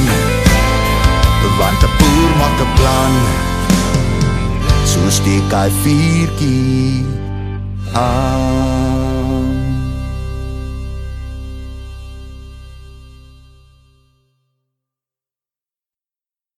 En dit was Rieke Snell met sy Bosveld TV. Ja, wie ek smag ook na ou Bosveld TV. Alwaar ek vandaan kom, noem ons hulle staan vuurtjie en dan maak jy baie vuur. Die kinders het al gaan slaap en die vrouens is al kwaad vir jou. Dan is die kole eers reg. Dan praat ons so van 12 uur môreoggend. Lekker Bosveld TV. Kom ons gaan gaan kyk na ons nuweling op die program. En dit het nou tyd geword vir Wouter Woef om vir ons daardie stories te bring waarvan ek jou vertel het in die begin van die program. Kom ons luister gou.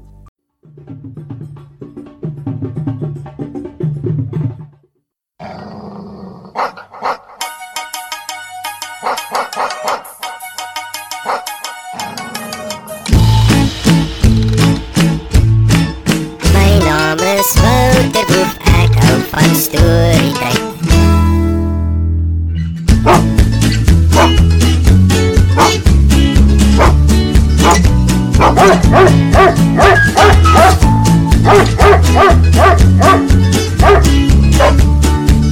Hallo maatjies, dit is weer Wouter Voeftyd.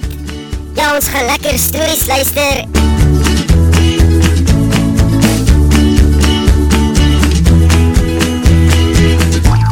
Hallo maatjies, my naam is Wouter Woef en ek gaan van nou af elke week saam met my pappa oom Jacques Leeu op ander kant die plaas ek wees. Ja, ons gaan stories luister van 'n tannie wat dit vir ons maak. En ons begin hierdie week met die boek. Die boek. Klankland is die land waar elke kind dolgraag wil gaan kuier. Dit is die land waar al die klanke bly en waar kinders kan leer lees. Koning Karel, ons moet 'n plan maak. Wat help dit hier se klankland as hier nie kinders kom kuier nie? Ja. Hoekom kom kuier hulle nooit meer nie? Ek weet nie. Dalk is die ma's en pa's te besig. Dis verskriklik. Hulle mis al die avonture. En hoe leer die kinders om te lees? Ek weet nie is en is nie, maar ek het groter probleme. Die boelies? Ja, die een probleem is die boelies. Koning Karel, as die ma's en pa's te besig is om vir hulle kinders te lees, moet ons maar 'n plan maak. Nee is nie. Ja, ons sorg net dat iemand weer die boek kry. Nee is. En dit hopelik lees. En die ander probleem is dat niemand ooit vir my luister nie. Ja, laas het hulle nie die boek gelees nie. Is en is nie. Ek is die koning van Klankland en moet al die klanke oppas. Maar hoe kan ek dit doen as daar boelies is en as niemand vir my luister nie? Jammer koning Karel. Maar dalk is daar 'n ma en 'n pa wat koning Karel kan help met die boelies. Nou, luister julle vir my. Dis te gevaarlik. Julle bly net hier.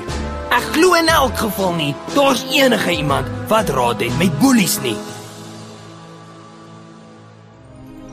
Om na Klankland te reis, begin by hierdie huis of enige huis waar daar 'n Klankland boek is.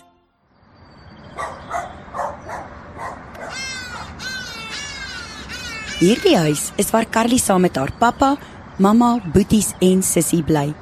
Bernard, vat gou asseblief vir my die glase uit. Reg so ma, waar soek maar dit? Op die buitenste tafel. Zander en Emil, hier's nog 'n pakkie ballonne. Blaas dit asseblief gou vir my op en Zoe, hier's die linte. Bind dit asseblief aan die ballonne vas en hang dit buite op. Reg, Mix. Dankie julle. Waar's Carly? Hoekom help sy nie? Dis haar partytjie. Zander, ek het haar gevra om die klein bordjies uit te dra en nou vra ek vir jou om die ballonne op te blaas. Bernard, waar is pappa? O, hy's in die studeerkamer. OK, ek wonder hoe gaan hierdie liedjie uitkom. Kom ek probeer. Ja, kom ek probeer hierdie ding.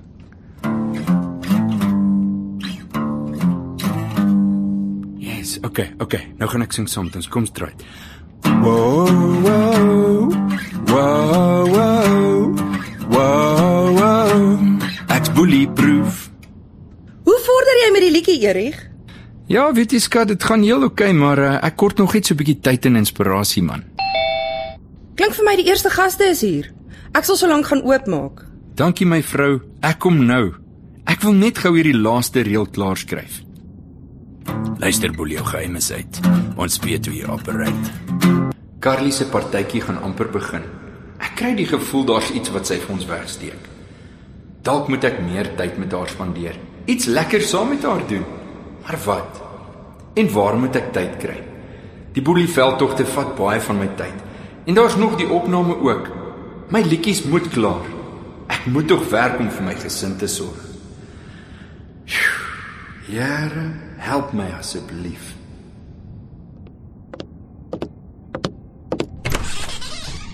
Hallo julle. Ons is so bly julle is hier. Kom binne. Geluk met julle dogter se verjaarsdag. Dankie Hannes. Hallo Tannie. Waar's Carly? Sy is buite op die springkasteel. Carly. Jean-Rou, Emile en Zander is ook daar buite. Dankie Tannie. Emile, Zander. Hoekom Erig se liedjies aan? Hy het gesê die opname is oor 'n maand. En die boelieveld tog te hou hom ook maar besig. Ja, die tyd raak min. As jy's besig om gou nog een reël klaar te skryf, dan kom hy. Maar kom ons gaan sit so lank buite. Luister boel jou geheime uit. Ons weet wie operate. Ons het 'n spotlight aan op jou bose plan. Jy het nêrens om te gaan. yes, dit klink fantasties. Ek gaan hom net so gebruik. Daar lê die klokkie nou alweer. Ek sal maar moet aangaan na die partytjie. Hallo ma. Dag Hallo pa. seun. Geluk met Carly se verjaarsdag. Dankie ma. Hallo seun. Ek het gewonder wat om vir haar te gee. Toe ek vanoggend die boek op die sitkamervloer kry. Kyk, hm, laat ek bietjie sien. Onthou jy nog die boek? Ja, maar dis lank terug. Hoe het dit daar gekom? Ek weet nie. Dit moes op een of ander manier uit die boekrak geval het. Stap saam met my buitentoe, dan roep ek vir Carly.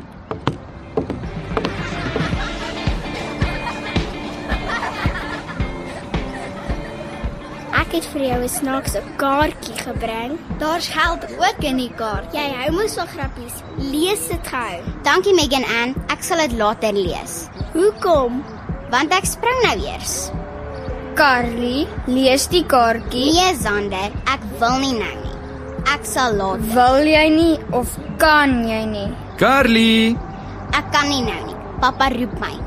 Ek kom. Sjoe, dit was amper. Ek wens daar was 'n land met regte egte letters waar ek kon gaan kuier. Dan sou dit nie so moeilik en vervelig gewees het om te leer lees nie. Hallo ma, hallo pa. Hallo Lizet. Hallo Lizet. Hallo ouma, hallo oupa. Geluk Carly. Dankie ouma. Geluk my kind. Kyk hierdie boek wat oupa vir jou gebring het. Die boek het 'n harde rooi omslag met die woord Klankland in goue letters opgegraveer. O, oh, wow, die boek lyk interessant. Ja, agter op die boek staan dat dit nie sommer 'n gewone boek is nie, maar 'n boek waar jy in 'n ander land kan gaan kuier. Dis die land waar al die klanke bly en waar kinders kan leer lees, nuwe avonture beleef en sommer 'n klomp nuwe maats kan maak. Kan 'n mens regtig daar gaan kuier? Ek weet nie, maar daar is iemand wat weet. Hy het self die boek gelees toe hy so oud soos jy was. Wie? Jou pa. Vra hom. Pappa, is dit waar? Kan 'n mens regtig in Klankland gaan kuier? jong, dis jare terug. Ek kan nie meer onthou nie. Sal pappa asseblief vir my die boek lees? Maar jy kan mos al lees. Nee, dit sal nie werk. Kyk hoe dik is die boek.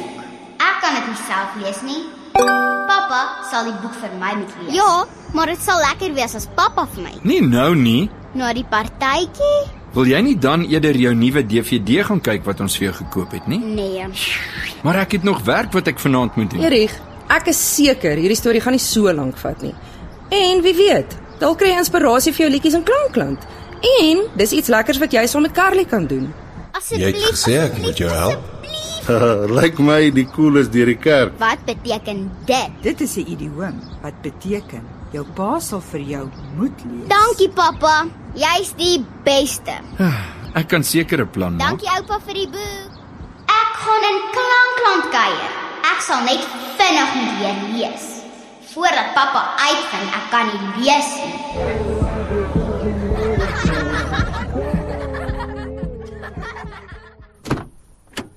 Dankie dat jy gekom het. Dankie Lizet. Dankie Erie. Die partytjie was lekker. Dankie ou maat, ons het lekker gekuier. Dis 'n plesier.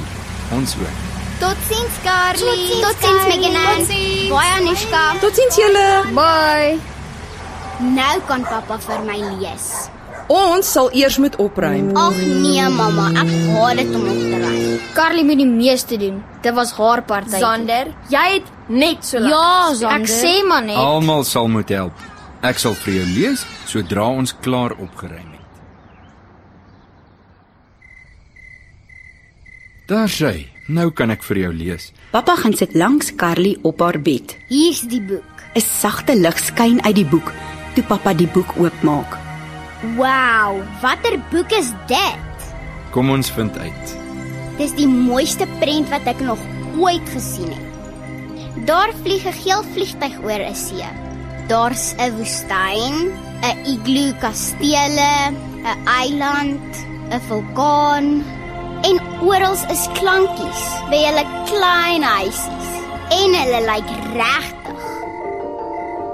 Maar dis mos onmoontlik. Wat? Die vliegtyg.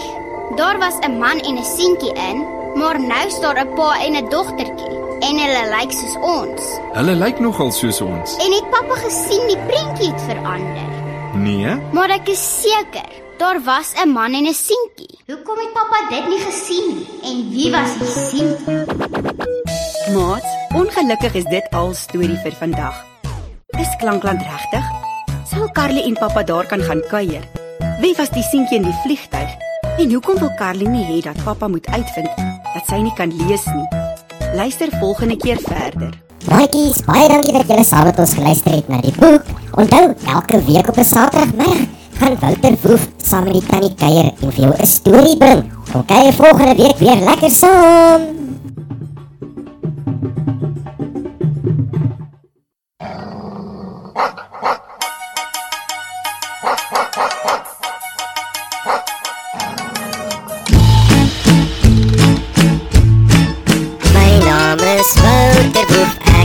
Ek hou van storietyd.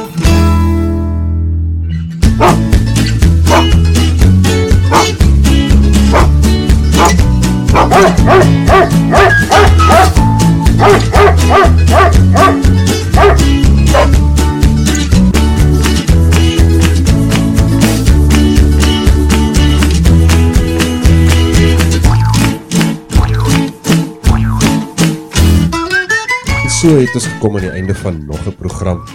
Baie dankie dat jy saam geluister het en ek gaan vir jou op ons webblad meer inligting gee oor hierdie boeke, hierdie stories wat dan nou digitaal is wat jy kan aankoop en vir jou kinders kan gebruik. So, gaan kyk na ons webblad. Volgende week vertel ek jou baie meer daarvan. Dankie vir die saamkuier tot volgende week. Lekker week. Totsiens.